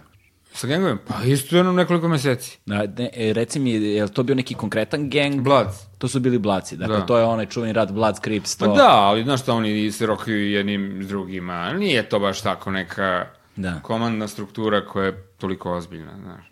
Da. ova zgrada je protiv ove, ove, znaš, to je... I dakle, onda si posle nekoliko meseci nazad među narkomane. Da. I onda se tu uvek pojave neke nove face, znaš. Uvek se tu pojave, bila je, sad se pojavila ta neka perla, koju, znaš, ono, portorikanka, 23 godine, znaš, ono, HIV pozitivna, to se roka i speed, znaš, i krekom, i heroinom, sve to, znaš, neki pakao. I ja se s njom sprijateljim.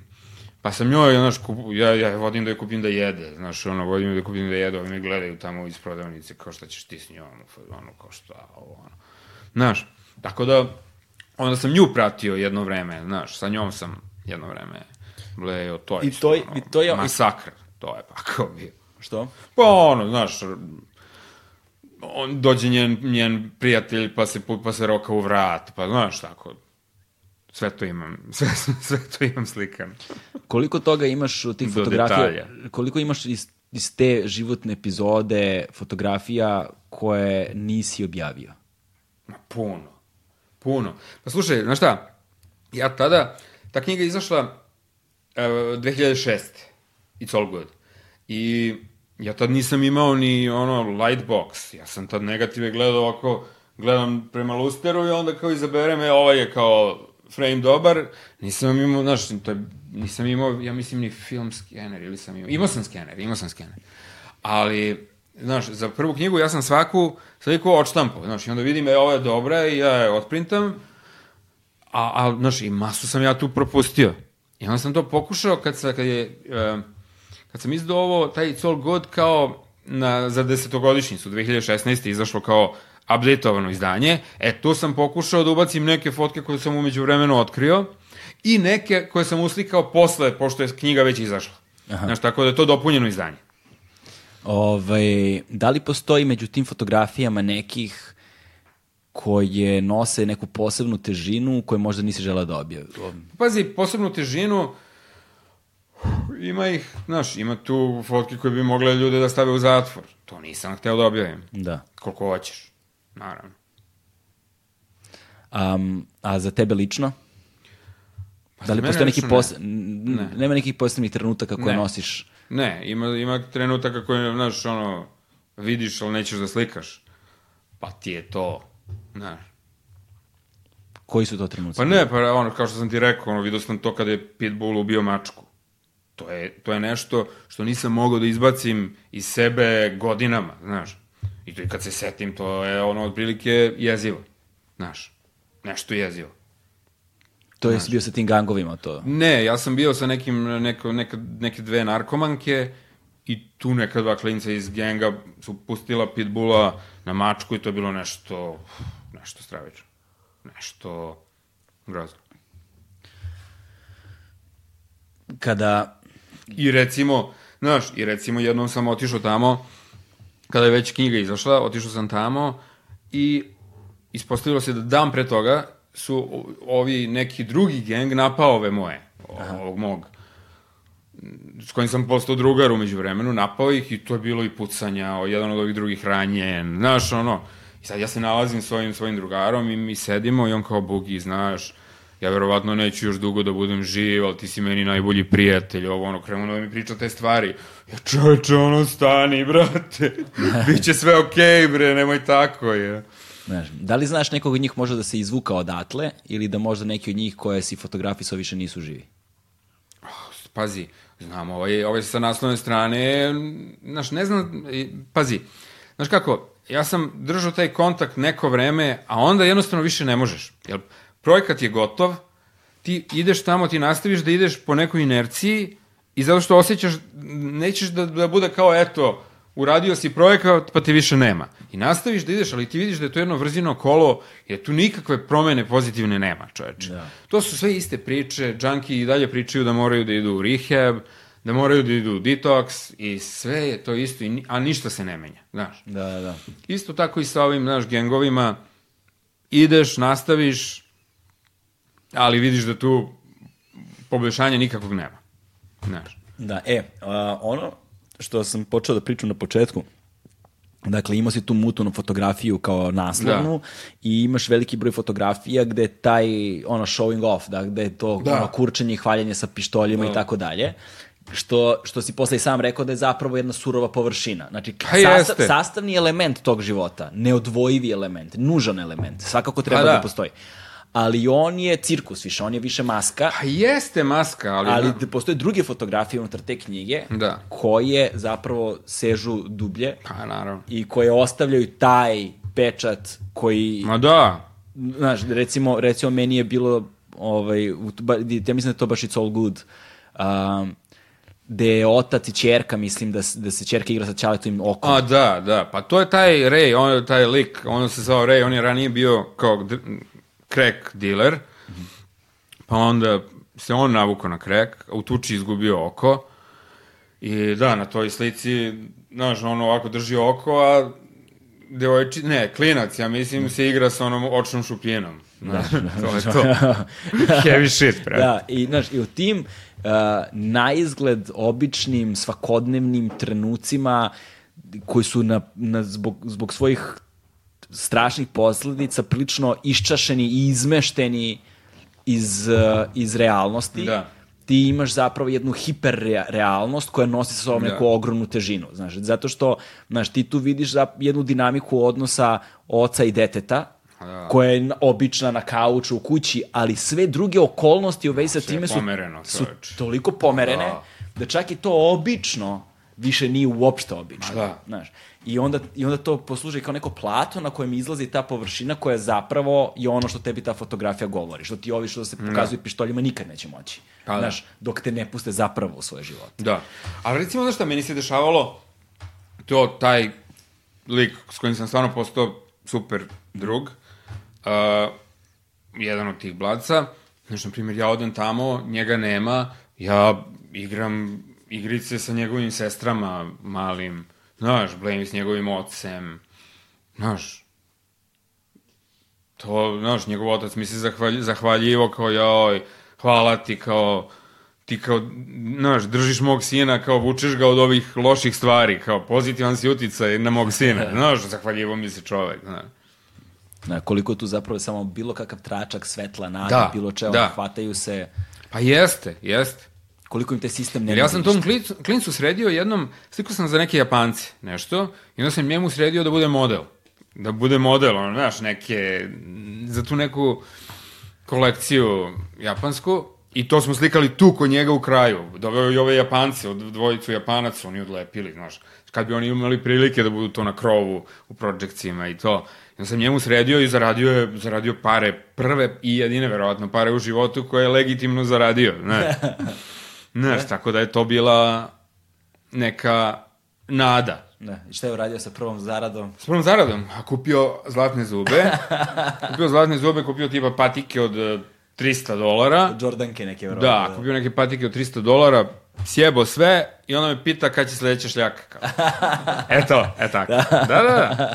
Da, To je to, na da dobro- to je to. Na dobro se čovjek lako To je navikne. to, da. I uh, Ali bukvalno je tako. ko- koliko, je, koliko, dugo, koliko je dugo ukupno trajao taj projekat dok nisi objavio knjigu? Pa, pazi, pjeno dve i po godine. I nakon, nakon objavljene knjige, Da. šta se dešava dalje u svom životu? Pa, ništa. Znaš, Pa znaš šta? To mi je bila prva knjiga. kako su reakcije bile zapravo? Na koji, na, na, da- dakle, samo, Ludilo. pošto ti si knjigu objavio u Njujorku, je li Da. tako? Na koji način si ti uspio da nađeš ono publishera? Pa znaš kako? To je ono što sam ti rekao. Ja sam... Uh, to je... Znaš kako, nekako šalješ te svoje radove ovome, onome, i nema reakcije i ti si onda u fazonu, ćao ljudi, neću nikome više ni da šaljem, ne zanima me. I onda sam uh, prestao da šaljem i jednostavno idem, slikam, radim za sebe. I ovaj neki ortak, uh, Tim Barber sam zvao, on je tad, on je, on je tad u Vajsu bio urednik fotografije. A on mi je rekao kao, e pa kao, što ne pošalješ, što ne kontaktiraš tu Saru, Saru Rosen, ona je bila tada u Powerhouse Booksu, i ja nju kontaktiram i bukvalno napišem jedan mail, e kao, i ona kao, hej, kao, ja tebe pratim, bla, bla, bla, i da radimo knjigu. Bukvalno tako. To je bukvalno bilo to. Jedan mail ju ja poslao, ja sam taj i taj, slikam to i to, ono kao, ej, pratim ja tvoj rad, ajde da radimo knjigu. I radili smo knjigu. Tako je to. I, i dakle, kada si objavio knjigu, e, kakav je osjećaj bio ono trenutak kad si držao svoju prvu knjigu? Mnogo dobar, e. Mnogo lepo osjećaj. Ja, znaš kako, nekako sve ovo, i izložbe, i online, sve je to nekako u nekom virtualnom svetu. I dođe, i prođe, i časopisi, i magazin, i ovo, ono. Ali knjiga, to je nekako objekat neki koji se zadržava, možda kažeš, zauvek. Znači, kad tebe ne bude bilo, bit će u nekoj knjižari, antikvarnici, negde, nekome će pasti u ruke. To je mnogo dobar osjećaj. Imati neki objekat iza sebe. I zapravo sa tom knjigom ti prvi put dolaziš onu žižu javnosti, Pa, kao da. znaš, da. postaje, postaješ negde javno prepoznatljivo ime u svetu fotografije. Jest. Ka, kako je izgledao taj skok? Kako se promenila tvoja svakodnevica? Pa ništa Kako- se nije promenilo. Ne. Pazi, to se apsolutno ništa nije promenilo. Umeđu vremenu sam ja, dok sam radio na tom projektu, ja sam u sred onog nekog kreka i to, u sred blejanja sa narkomanima, mene kontaktira neka agencija iz, uh, iz Italije, lik me kontaktira i kao u fazonu je, e, mi smo se prethodno upoznali, ali nešto bez veze, onako, povr površno, i on me kontaktira i kao, e, ajde sad ti da ideš da slikaš, ima onaj poznati teren za basket u Njujorku, West Fort Street, to je ono, zapadna četvrta ulica, onaj kao kavez, znaš, gde igraju onaj ulični basket. I on meni kao, e, ajde sad da ideš da slikaš kao to, i to slikaj 10 dana, i onda ćemo od toga, i onda ideš u Milano, isto da slikaš neki basket u Milanu, i od toga ćemo da napravimo kao tvoju izložbu, i ona će biti Nike event za Paris Fashion Week. I to mi je bilo prvi put da sam radio nešto za Nike. Tako da, to je bilo 2004. ja mislim godine. I malo po malo, znaš, nekako se ta karijera razvijela Da, e sad, kako treba. dakle, pored tvog, ajde uslovno rečeno, dokumentarizma Da. koji, i, koji, koji si radio, ti si zapravo radio i taj komercijalni deo industrije sa velikim klijentima. Reci nam nešto više, malo više o tome. Da, pa znaš šta, pazi, ra, da, recimo sliko sam baš dosta za Nike, sliko sam za Pumu, za Adidas, znaš, sliko sam, a, ali dobra stvar u svemu tome je što mene klijent kada unajmi, on me unajmi zbog mene, zbog mog stila. Ne, nikad mi se nije desilo da, mi, da me neko unajmi da budu kao je, mi bi da to izgleda ovako ili onako, znaš, onda uzmeš to ko je to sliko, pa ti on slika, Da. znaš. To ti je kada radiš sa globalnim klijentima, znaš. Pa da, Jesi ti fotkao Usaina Bolta? Jesam, da. Njega sam slikao, njega sam slikao u Kingstonu, baš sam slikao na, dom, na domaćoj teritoriji, čoveče. Bilo mi mnogo dobro da odem u Kingston da ga, da ga slikam, ja sam Kingston već znao pre toga, znaš, i E, volim ga. e. I njega sam slikao za Pumu, da, za neku svetsku kampanju. Ovaj, pričat ćemo malo i o, o tom iskustvu sa Usainom Boltom, ali prosto ne želim da preskočimo priču o Kingstonu, pa ćemo onda hronolo, Aha, hrono, hronolo, hronološki da idemo. Dakle, e, dešava se prva knjiga, tvoje ime se lansira, postaješ ono prepoznatljivo ime, um, to je neka 2006. 7. godina, ali tako beše? Šesta, recimo. Šesta i, ovaj, 2007. sam izdao isto neke knjige. Mhm. I šta se dešava, šta se dešava nakon toga, šta je sa, šta dru, sa uh, nakon prve knjige, šta se dešava dalje u tvom životu? Pa sve okej, izdao sam još par, uh, izdao sam neke knjige gde sam recimo na, na, na nedelju dana otišao u Sao Paulo, pa uradio, stvari, znaš kako je to bilo sa Sao Paulom? To je bilo, recimo, te neke godine sam baš onako komercijalno prošao, odradio tu neku kampanju, pa prodao neke printove, pa sam ono baš dobro prošao.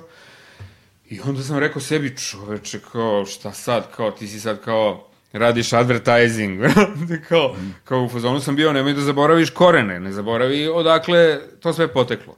I onda sam razmišljao gdje bi mogao da odem na neko to kao zeznuto mesto i otišao sam u Sao Paulo. Uzao avionsku kartu i otišao u Sao Paulo da Tek se tako. malo prizemljim, znaš. Tek tako. Da, da se malo prizemljim, da se vratim, znaš, da ne bude ono poletiš čoveče, ono, znaš, kako visoko leti, nisko pada. Da. Znaš, ja mislim, nikad ne smeš da zaboraviš odakle si potekao, šta, šta je dovelo dotle gde si sada, kako je bilo pre 10 godina i tako dalje i tako dalje. Ako moraš da zadržiš, znaš, Da, dakle, ti da, to... ne, da, ne, da ne pomisliš da si previše bitan, što nisi. Jel, dakle, ti to ciklično svesno radiš? Ne, ne. Ne, ja jednostavno, to je bio neki prvi udar, znaš, kad sam osetio da to treba da uradim, mm -hmm. i tad sam otišao bio nedelju dana u Sao Paulo i izdo knjigu, znaš, Upper Playground, neka E, sada tu su... label neki iz San Francisco, ono, oni rade odeću, obično oni su mi izdali tu je taj San Francisco, 2007, ne San Francisco, taj Sao Paulo, i otišao sam u Istanbul isto, radio sam, imao sam neku izložbu tamo, pa sam slikao u Istanbulu i onda su mi izdali knjigu Istanbul isto, iste godine. E, ali sada dve stvari su mi tu uh, vrlo važne, da ih ne zaboravim. Prva je kako si uspeo da se snađeš u Sao Paulo, dakle ti si bio samo sedam dana tamo. Pa nedelju dana, pa hodaš okolo, šta ćeš, tad nisam imao nikog da me vodi, znaš, nikog ništa, i jednostavno, znaš kako, u takvom nekom gradu koji je relativno opasan, pa ja mogu, znaš, ja, ja se ne brijem tri dana, ja mogu da izgledam kao da sam odande, nikakav problem. Ipak moraš da deluješ kao da znaš kuda ideš. Da. Da ne deluješ kao pogubljeni turista, znaš. I kao ako treba da gledam mapu, ja se štekujem pored polic, policije, vidim policiju, pa pogledam mapu, pa idem dalje, znaš. Moraš da budeš... Kako je, znaš, ka, ka, da se snalaziš dobro na ulici. Kakvo je to osjećanje kada se spremaš za jednu takvu akciju i kada krećeš zapravo u nepoznato, hmm. na nepoznatom terenu, bez ljudi koje poznaješ, ono, i dovodiš sebe u objektivno rizične situacije pa, gde... slušaj, to je, znaš, ono, obučeš se onako najobičnije, izdrndao sam fototorbu, da ne deluje uopšte kao fototorba, izlepio nekim trakama, da to izgleda kao krš neki. Međutim, znaš, čim ti izvadiš fotoaparat, pa izlepio fotoaparat nekim trakama, da to se izgleda prejedno, ali bez obzira privlači pažnju. Šta god da uradiš, privlači pažnju. Ali jednostavno moraš da ima, moraš da slušaš čoveče ono u sebi, instinkte svoje, to je jedino što imaš čoveče. Taj instinkt neki i on se razvija vremenom. Znaš, ti osetiš kada nešto nije u redu. Osetiš kada neko iza tebe ide, neka dvojica idu iza tebe i kao prenapadno se, bez obzira što je to neki jezik koji ne razumeš. Ti osetiš kad se oni nešto prenapadno kao ha ha ha ha smeje, smeju.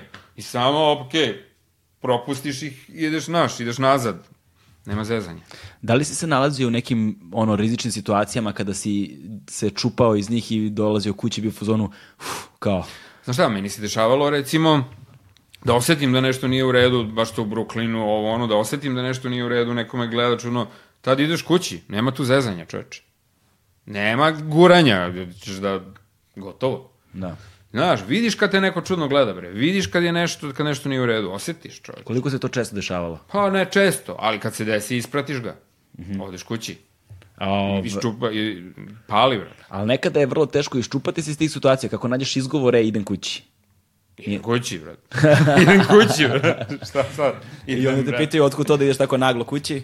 Idem kući, ne znam, ne znam, ne mogu, ne mogu da se setim detalja, ali idem, da. idem kući. I u Sao, e sad, a druga stvar u vezi sa time koju sam hteo da te pitam jeste, a to si, to si pominjao, ali bih volao da to pomeneš i ovde, um, za sedam dana je nastala knjiga. Da.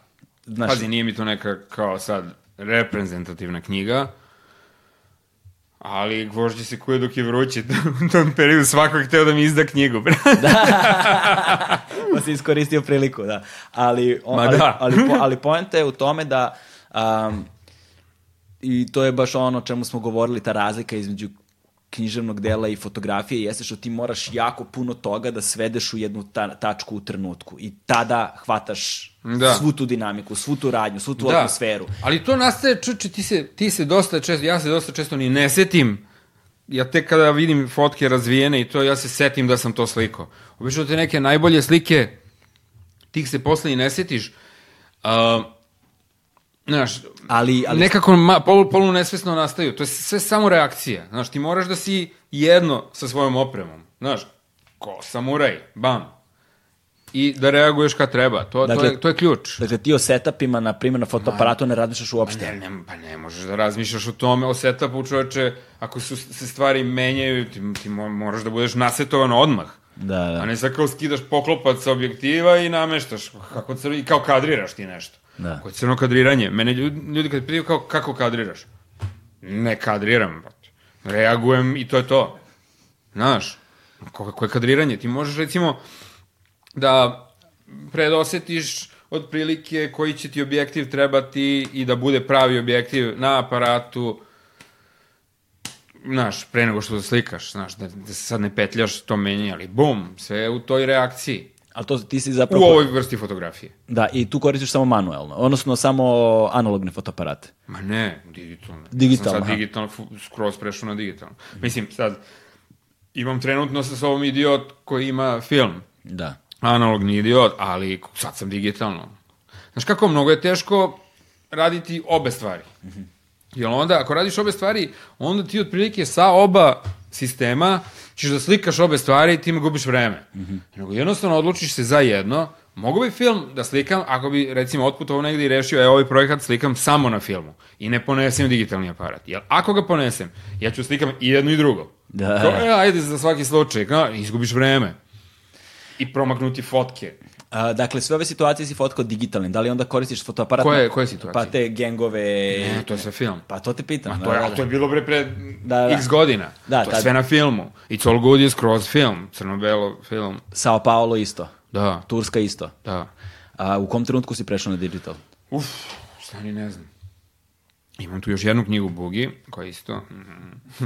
eto kao. Znaš, koja je isto film. Pa, znaš kako?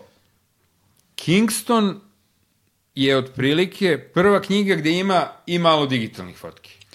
Ja A- mislim. a Ne King- mislim, nego jeste. A Kingston je takođe i prva Kingston je knjiga... color skroz. Tako je, prva Da. knjiga koja ti Da. je color. Da. Koja ti je color. Sad ćemo pričamo o Kingstonu, samo pre toga da završimo ovu temu koju smo započeli, to je um, da kod tebe dužina rada nije nužno, nije nužno uh, garant kvaliteta. Dakle, ti ili klikneti na prvu, Pa kako misliš? pa kada radiš posao, dakle, koliko sam primetio, dakle, ti ako ne dobiješ nešto prvih sat vremena, Ne, znaš kako, to tako ide, to, to je normalno.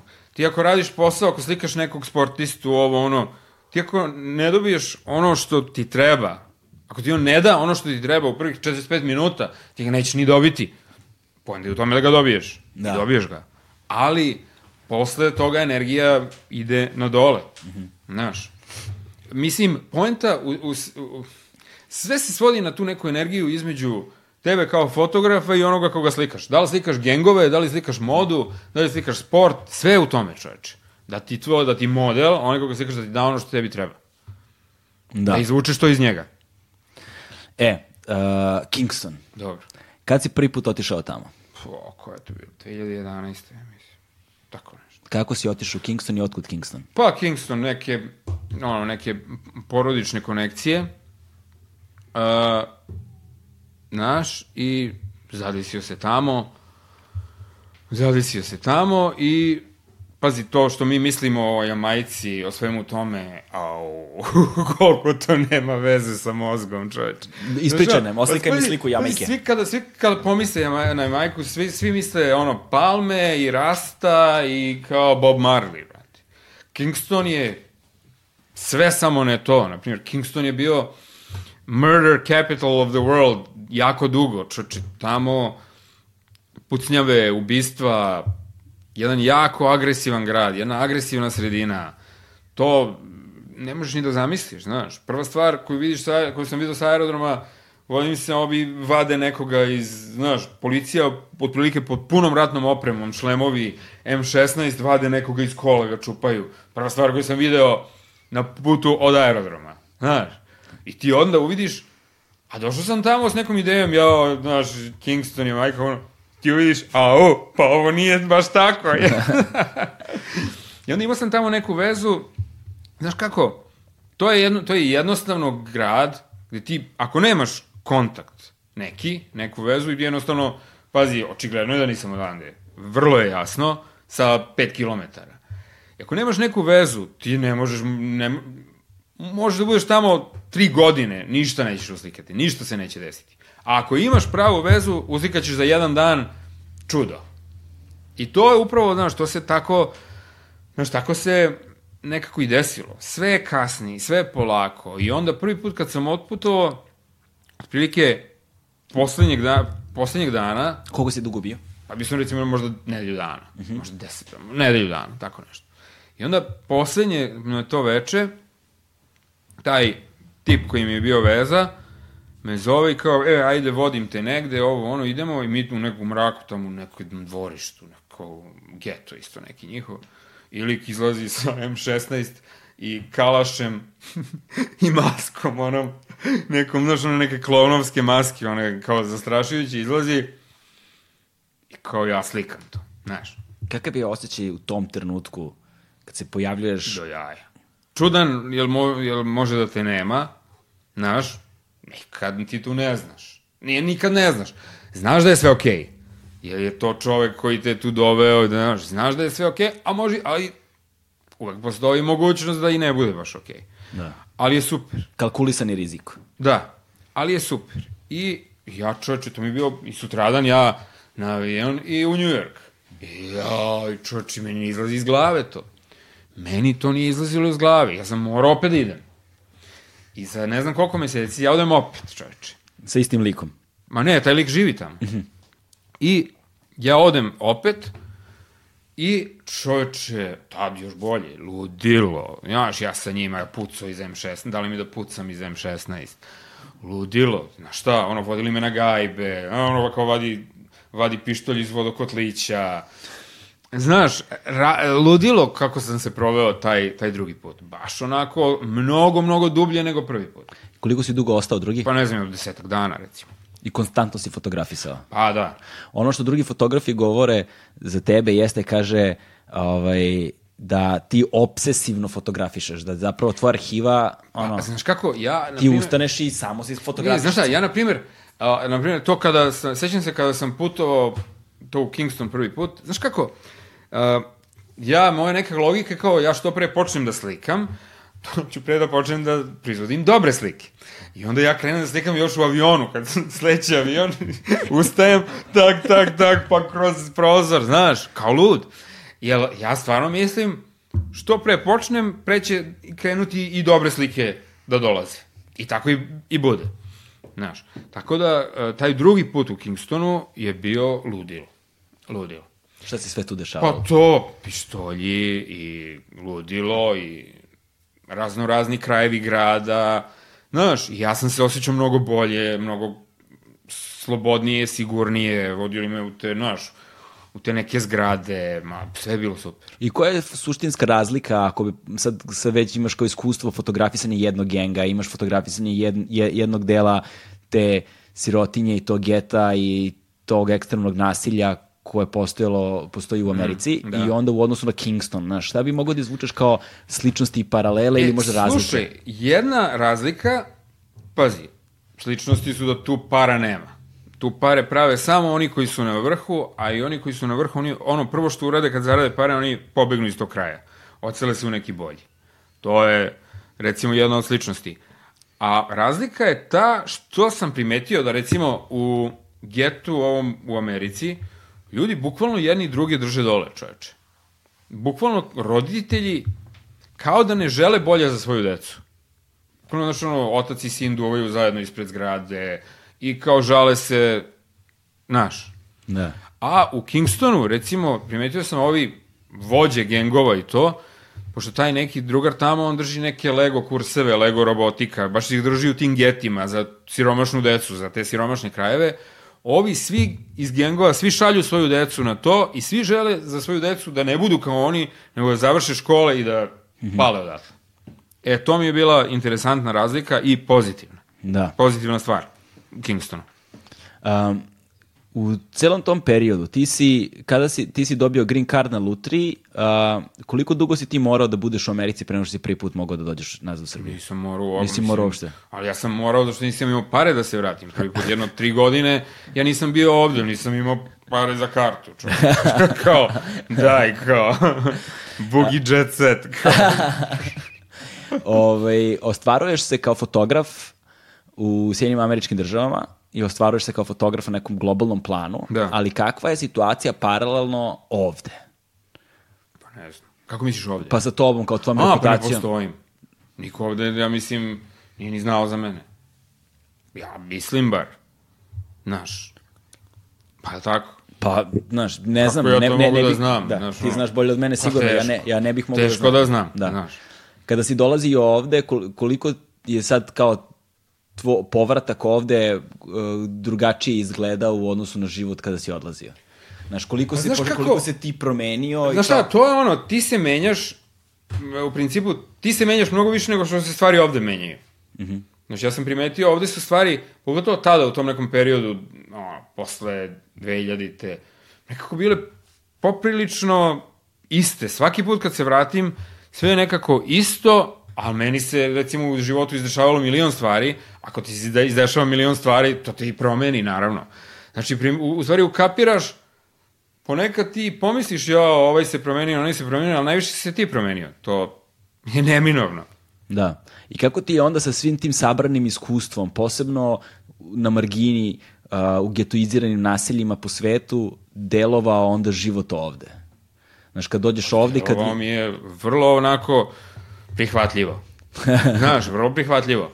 Jel, znaš šta, svi imaju siguricu neku. Bez obzira da, znaš, neka, nema, nema ni izvesnosti. Ti ćeš imati da jedeš imaćeš krov na glavom. To je velika stvar. To, to u Americi nemaš. Većina ljudi to u Americi nema. Znaš, a ti čim... A to i nije možda, znaš, to je dobro za jedno, s jedne strane, s druge strane nije. Ti, čim si ti siguran da će sve biti okej, okay, ti ne kidaš, ti ne, ne grizeš, znaš. A kad znaš da možeš da tresneš o zemlju, pa i te kako se boriš, čoveče. Da. Znaš, zato recimo emigranti, emigrant kad ode u Ameriku, on se bori mnogo više nego lokalci koji imaju mamu i tatu koji im kupe stanove i tako to. Mm -hmm. I tako ljudi koji dođu u Beograd iz unutrašnjosti više se ovde bore nego mi koji smo na neki način ušuškani. Da. To je sve normalno. Ta neposrednost u fotografiji, uh, ta blizina, taj, taj način na koji ti zapravo kroz objektiv ulaziš u trenutke i u živote ljudi koje fotografišeš, prijatelj, jedan moj reditelj, Ivan, je lepo prokomentarisao, kaže, kaže, jao, kaže, ja kad gledam Bugije fotografije, tačno mogu da zamislim da su, da su film našli u getu kod nekog lika koji je ubijen I onda su razvili film. Oh, Bože. Da, I onda su razvili film i videli te fotografije. Da, da, da. Kaže, kako on čovjek izloče živu glavu? Na koji način se ta vrsta neposrednosti Pa ne postiže? znam. Znaš šta, to, to ne znam, ja to, ja to ne umem da objasnim, ali da. vole me, šta da radim? o, dakle, velika, veliki deo toga što ti radiš je negde intuicija, instinkt. Jeste, pa jeste, instinkt i nekako... I refleks. Pa da, ali i to energija koju ti daješ ljudima. Znaš, ono, ono kao glupo možda zvuči, ali real recognizes real, brate. Da, da, da, da. Znaš, i onda oni osete da ti nisi tu da bi ih nešto iskoristio. Znaš, da, da, da ih ti da. ne osuđuješ, oni jednostavno to osete. Postoji veliki broj ljudi koji pokušavaju da se bave sličnom vrstom fotografije kao i ti, ovaj, ali jednostavno ne dolaze do te tačke. Znaš, imaju sve što je neophodno, ali... I imaju či... dobar fotoaparat. ali fali to nešto. Najbolji. da, fali ta neka nepoznata ujednačenja da bi to sve dobilo na toj težini. A naravno, da znaš koliko mene puta pitaju kao, pa kako ono, pa brate, tu nema recepta za to. Da. Ili jesi ili nisi čoveče, znaš, tu nema, sada ti ja kažem kako ti da nekome priđeš, šta ti da radiš, pa si ti lud, to ne ide tako. E, sad, jednu stvar koju si pomenuo u vezi sa Kingstonom, a, a koja je meni strašno bliska, jeste, pominjao si tog tipa koji te vodio tamo. Ono da. što se stručno u poslu je fikser. Pa fikser, neko ko, neko ko ima respekt. Znaš, to sam recimo, nekome vodio isto u Brazilu kad sam bio, ne ono prvi put, to prvi put kad sam bio u Sao Paulo, bio sam sam. Ali bio sam ne skoro, prema 3-4 godine, ne znam ja kad.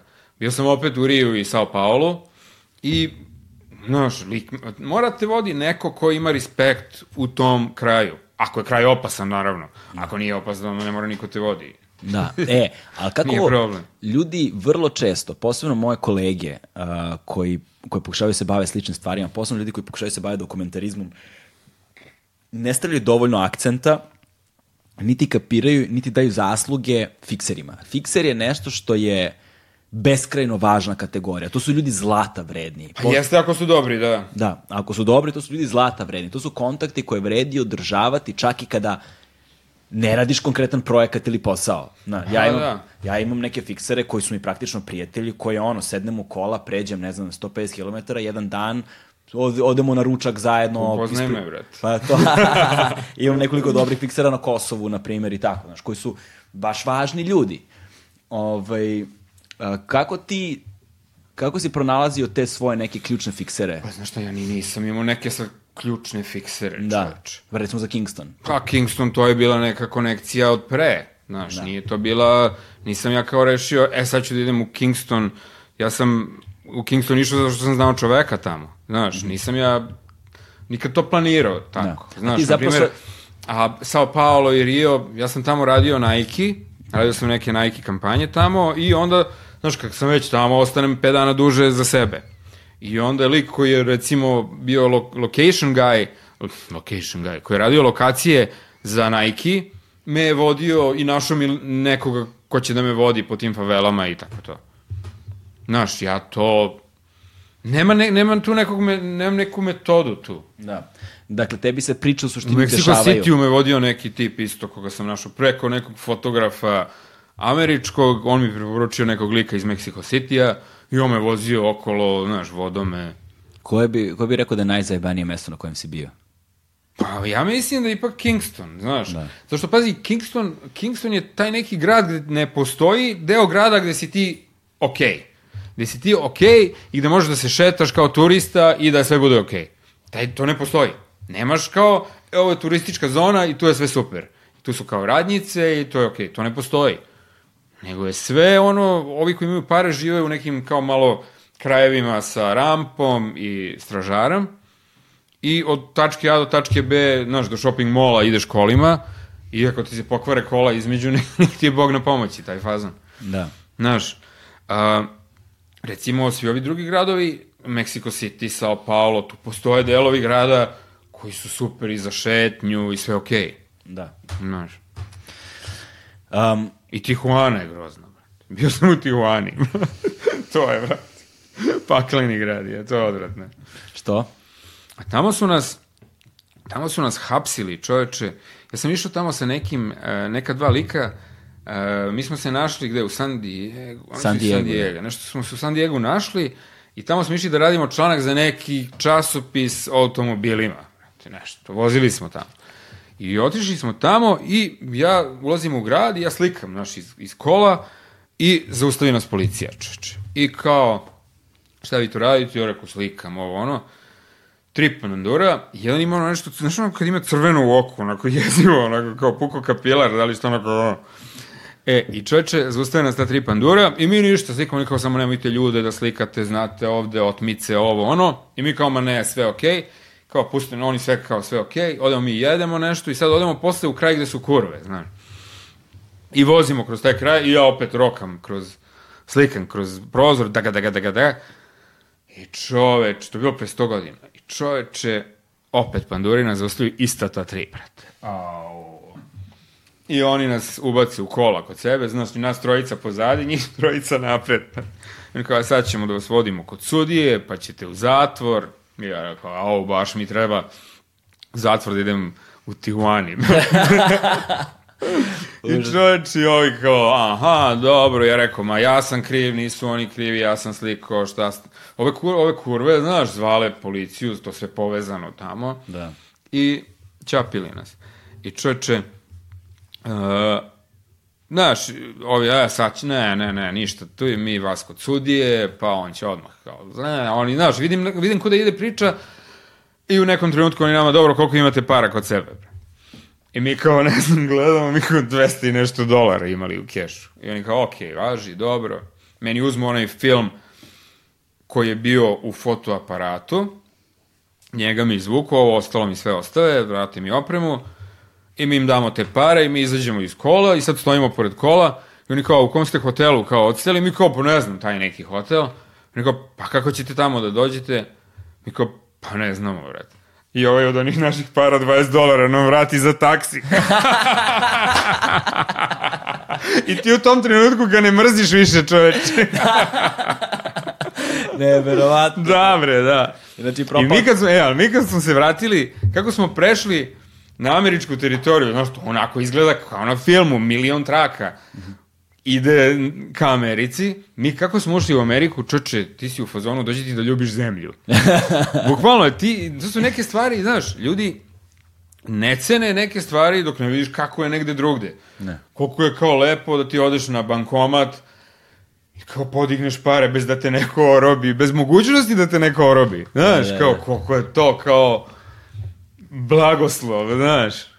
Te depresivne epizode, da li su se one ono vraćale Koje? vremenom? To, kao da kumulativno ti se skupi to što si fotografisao, pa da... Pa ne. Znaš, jesi, jesi napravio neki sistem Pa ja mislim se... da ja to imam ugrađeno sada, znaš, da, Da, to da se oslobađanje. čistim na neki način, ni ne znam koji, ali ili nekako ti mozak nauči ili prsneš, znaš. Da, da, Ja mislim da, nema treće.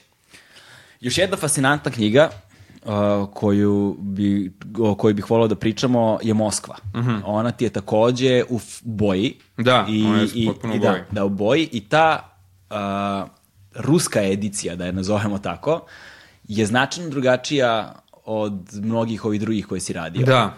Ja nekako, to mi je trenutno favorit a, knjiga ta Moskva. Možda zato što je poslednja koju sam izdao, možda zato što je, znaš, layout, sve prelamanje, sve je drugačije, znaš, nego ove knjige do sada. I, ali, poprilično sam zadovoljan tom knjigom. Znaš kako, ti kad ti izađe knjiga, ti uvek gledaš i kao, ja, ovo je trebalo drugačije da uradim, ovo je trebalo drugačije, ja, moglo je to bolje da bude, da, moglo je bolje, ali je moglo i gore, znaš, Da. tako da u stvari je okej uvek. Znaš, to, to je neminovno. Neminovno, jer, zna- znaš, od kad ti počneš da radiš knjigu, predaš sve, do momenta, do izlaska knjige, prođe ponekad i godinu dana, znaš. I onda u tih godinu dana ti si se nešto, pa jednostavno si se promenio čoveče. Da. I tebi stigne knjiga i ti ju nađeš, samo nađeš ju mane, nema, neminovno je. Kako je bilo iskustvo u Rusiji? Šta si sve doživeo u Rusiji? super. Ono, mislim, pa ispričaj nam. Ma znaš. bilo super. Baš dobro. Idemo dalje. Pa, znaš kako, highlight je bio, highlight je bio to neko a, blejanje sa navijačima Spartaka. To je bilo ludilo. To je bilo baš, baš ludilo. Kako si se uopšte povezao? Pa ja znam ovde navijače, znam neke navijače Zvezdine ovde, baš su mi drugari, i onda su me oni, jedan od njih je zvao ove iz Spartaka, ja sam sa drugarom otišao tamo, dočekali nas na aerodromu ovi Spartakovi, i ko braću nas prihvatili i vodili nas svuda. I bilo mi je mnogo dobro tamo. Išli smo i na te utakmice, čak smo išli, čak smo išli na neku tuču, samo se tuča nije desila, na neku tuču 200 km od Moskve, ali se tuča nije desila. Znaš, tako da, svašta se tu dešavalo. Baš je bilo, baš je bilo dobro. Pazi, Moskva takođe, ti ako odeš u Moskvu kao turista, ma ništa nećeš uslikati.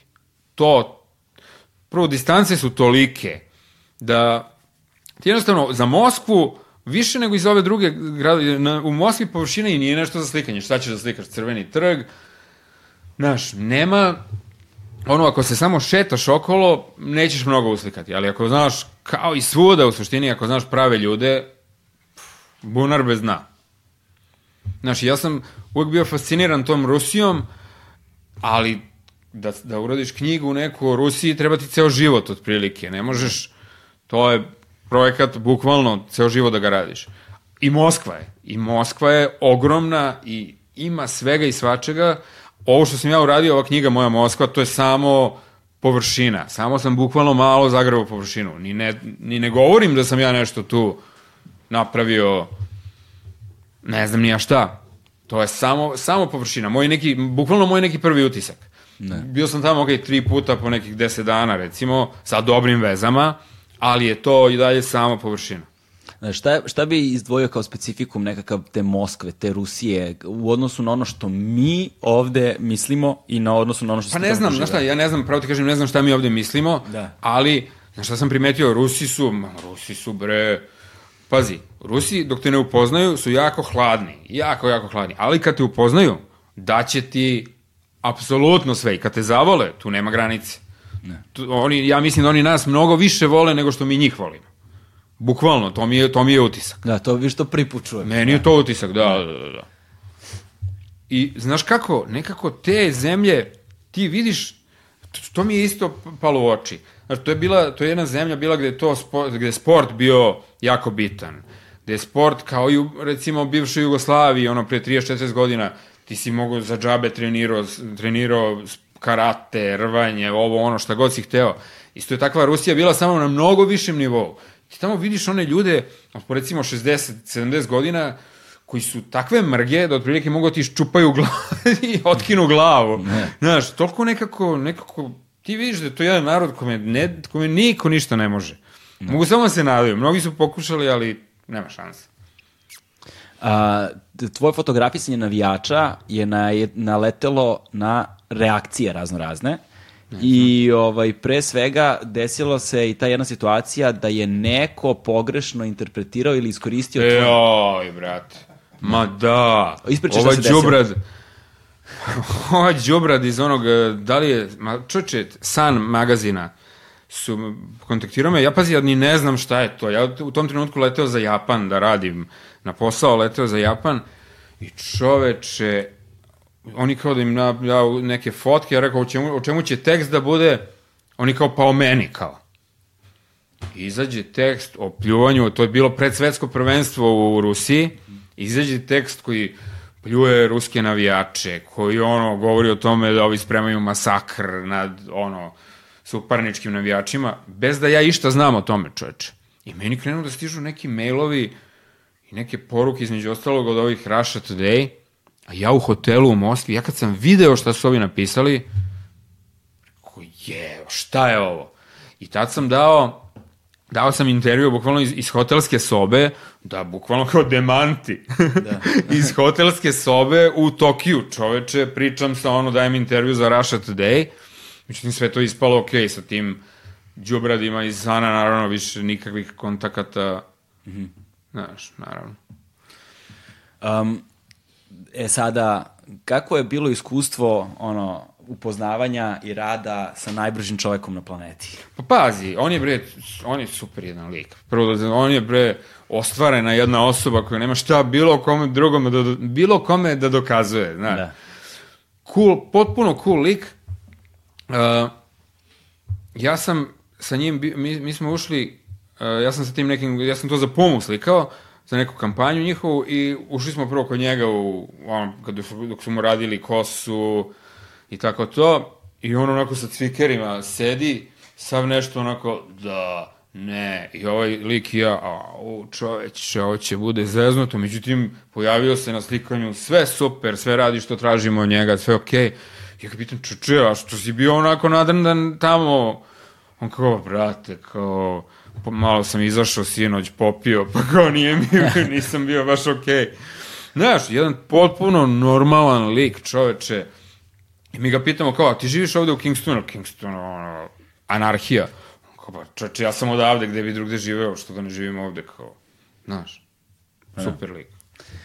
Um, kada planiraš da objaviš knjigu o Bangkoku? E, slušaj, bre, treba, treba krenem da je treba da krenem da editujem, treba da krenem da biram fotke, ja to ništa nisam počeo, čovječ. Joj, e, e, a, znaš ti, e, nije, nije već... to lako, čovječ, znaš ti koliko ja materijala tu imam, pa ne, nešto od toga ću morati opet da skeniram, pa... E, ali kad smo već kod tih, kod biranja fotografija... Ozbiljan proces. Uh, ne sumnjam, ali imam jedno pitanje za tebe. Reci. Dakle, knjiga Moskva, Na koji način si birao fotografije za tu knjigu? Pošto to mi ne tako znam. random deluje. Nije random uopšte, to je, brate, baš kako treba. ok, šta je tema glavna? Nema teme, tema je Moskva, moje da. viđenje Moskve, nema tu teme. Da. Znaš, kako, to, kako biraš fotke, uh, prvo biraš parove nekako. Neke su ono da, duple, ali prvo biraš parove i onda ja sve otprintam, ja otprintam ovoliko fotki, otprintam ih ovolike, recimo. Ne. I onda ih ti spajaš, pa ih ređaš po, po kući.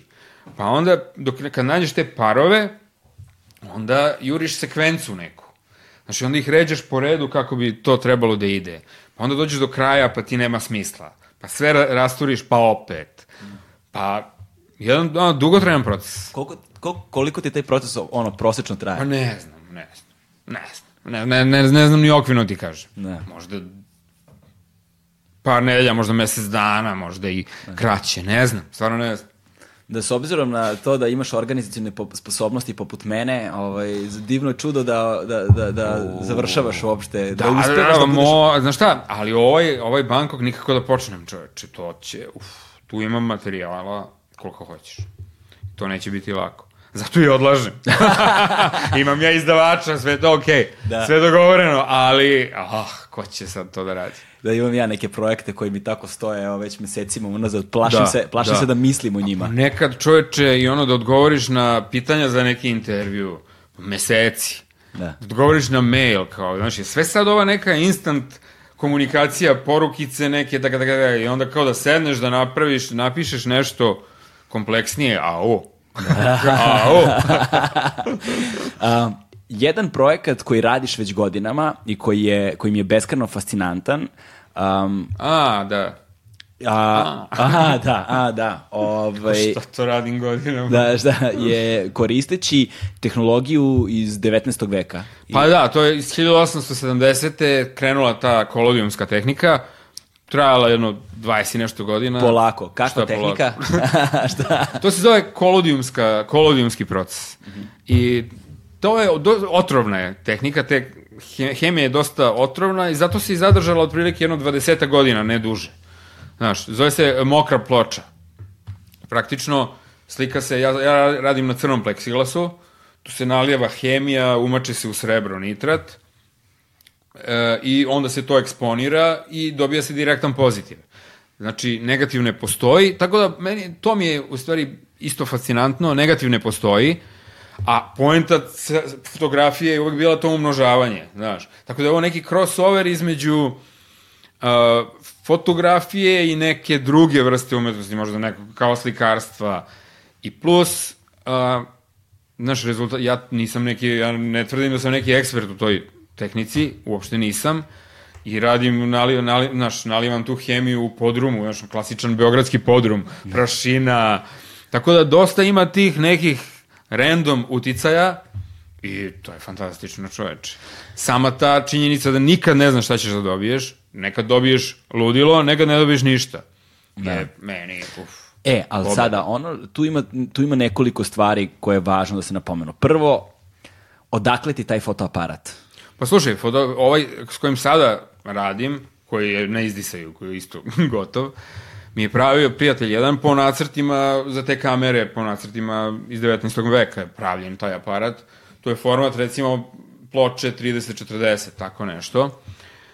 I aparat je veliki ko komad nameštaja. Znaš, sad ti dok, dok, dok izneseš sve to, postaviš, to je sve cimanje, ali rezultati su, znaš, sve to toliko vredno. E sada, uh, hemija koju nabavljaš, gde nabavljaš tu hemiju? Ma, hemiju od centrohema.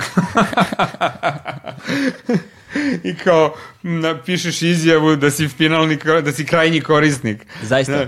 Pa da, to je, ba, to je otro, otro, znaš, to su neke otrovčine, ima ta neka sirćetna kiselina, pa onda taj kolodijum, pa neki amonijum hlorid, to su neki teški metali, radi se sa maskom, znaš, zato što su opasna hemija, stvarno. Da. Kako držiš tu hemiju? Jer imaš neke regulat, re, ono, regulatorne Ne. stvari kako moraš da... Ne. ne, u podrumu sve. O, ja, o, o, kante u jednom kojim plastičnom kontejneru. ne mogu da nagrizaju plastiku. Ma ne. Ne, ali zato mogu da... Ne, nagri- ali recimo, znaš, ta hemija, taj, to, taj srebronitrat, i sve to, to toliko nagrizat, na primjer, meni, meni se sve skroz, drvo se rastočilo, mesingane šarke propale, bukvalno je kamera, to je to, otprilike. Još malo za bacanje. Ne, još, mislim, to je to. A, Gotovo je. Ono što je, koliko dugo traje ekspozicija modela? Pa sve to zavisi, znaš, sad sa ovom brz, bržom, ovim, sad koristim neku bržu hemiju, Brzu hemiju, a? brzu hemiju, da, i traje recimo pa od 10 do 15, 16, 20 sekundi, znaš. A ranije kad sam počinjao 2011. je trajalo i do 2 minuta. Znači sad zamisli neko ti stoji i 2 minuta ti zuri u objektiv. To se svašta uhvati čovek. A mislim definitivno, pazi, ja stvarno mislim da ta tehnologija hvata nešto ono strano. Da se beleži nešto, da li je aura, da li... Zaista veruješ u to? Ja stvarno verujem u to, da. A, na koji način, zbog čega stičeš taj utisak? Pa pazi, mislim, ovo je sada radio praktično format, Da. ali ti kada vidiš to, tebi je to jasno, znaš, to, to imaju, ima neku trodimenzionalnost, ima neku energiju, neku energiju koja na ovim normalnim fotografijama jednostavno ne postoji. ta hemijska reakcija Pa prilikom da, ekspozicije. i nekako iscrp, i mene iscrpi na neki čudan način, nije sad zbog hemije, ali, znaš, iscrpite, na, izvuče nešto iz tebe, osetiš jednostavno. Da se nešto promenilo. Da, da, da. i modeli koje fotografišeš, zapravo, mislim, ja sam video te tvoje fotke kod, kod tebe na gajbi, ovaj, i to što fotografišeš um, ljudima zapravo na površinu izbija, ne možda njihov karakter, ali neka priroda. A nešto, ne, ne, ne, umem, ne umem da definišem i dalje. Iako radim to baš dugo, ali ne, ne, znam, ne mogu da definišem, ali nešto se tu beleži što drugačije ne može. E sada, a, to što se beleži na jedan vrlo plastičan način bi moglo da se podeli na dobro i zlo, recimo. Pa recimo, da. I ti imaš taj projekat koji nazivaš Anđeli Sad, demoni. Slušaj, znaš šta, na primjer, ja, ja stvarno mislim da nije na meni da odlučim da li će neko u anđele ili u demone. Ja mislim da kamera to odlučuje. I kamera, splet okolnosti, podrum, podrum, kamera, hemija, to sve zajedno odlučuje da li je neko demon, da li je anđeo. Znaš, a sad trenutno radim na anđelima, viš. I zapravo ti si demone izložbu si već imao. Da, Ovaj, a sada će da se desi izložba Anđela za sve Anđeli- one koji žele da vide tu tehniku da, da vide tvoje 19. fotografije. je, 19. u Laufer galeriji u Krunskoj anđeli. Dakle, s obzirom da će ovo biti na internetu, pa mogu ljudi gledati za godinu da. dana, da kažemo 19. marta. 19. marta 2020. Gde je ovo? u galeriji Laufe. Ne, kažemo samo 19. ovog meseca. Da, da. U galeriji Laufer u Krunskoj ulici. Krunskoj ulici, da. Ovaj, će moći da ljudi vide tvoju izložbu, to je premijera, koliko će postavka trajati? Ne znam, nemam pojma. Nemaš određeno. Ne, ne, ne, nemam ja određen, ja ne znam. Nisam pitao. Majke mi. Tvoja izložba nisi pitao ni koliko Nisam će pitao trajati. da. Majke mi. Ge- Genijalno. Ovaj, da li su te fotografije na prodaju? Pa, uvek sve na, sve na, naravno, prodajem. Naravno. E, a, i još jedna stvar me zanima. Video sam među tvojim fotografijama, a, baš na toj tehnici, kako se zove, ponovi mi, A, kolodijumski proces. kolodimski proces. Znači, na tim Mokra ploča. Na kolodimskim fotografijama, odnosno na tim mokrim pločama, video sam portrete, jel pevač Ramštajna? Ne. A, jeste, njega sam slikao skoro ovde u Beogradu. Čekaj, znači čovek je, pevač Ramštajna došao u Beograd, totalno inkognito i došao kod tebe. Pa, neću da idem u detalje kako, kako je došlo do toga, ali da, slikao sam ga. Slikao sam ga u, na Dorčulu u dvorištu. Video si gde? Da, da, ovaj, sad, skoro nešto. Skoro, da, pre jedno tri nedelje, mesec dana. I kako je to iskustvo bilo? Kako? Super. Da. Demon. Kamera je odlučila. Kamera odlučila čist demon. Ne, ali, ali je fantastično. Mislim, verovatno neke od najboljih do sada. Da li ćemo imati prilike da vidimo izložene Ne. te foto? Ne, ne, Ne. ne, ne. Dakle, to je samo ono privatna je- kolekcija. Obavijeno velom tajni. A, dobro, dobro. Dakle, onda sam imao privilegiju da vidim. A, Bugi, mislim da smo stigli polako do kraja. Hvala, brate moji. Golube. E, da, ta fascinacija golubovima, to... Hoćemo probamo da uđemo u nju. Nećemo sada, brate. Nećemo sad, nećemo sad golubove, pa rekao si da je gotovo. Je.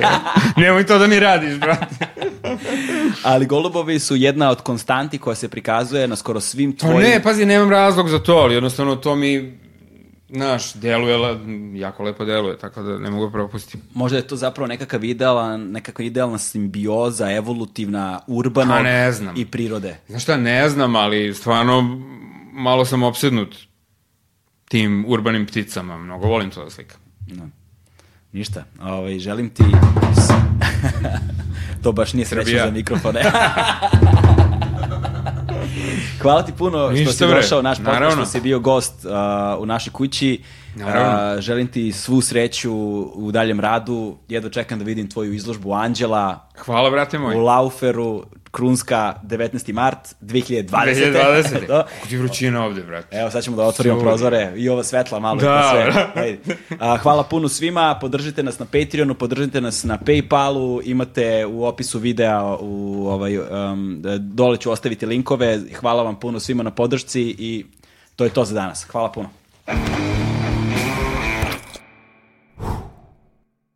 Hmm.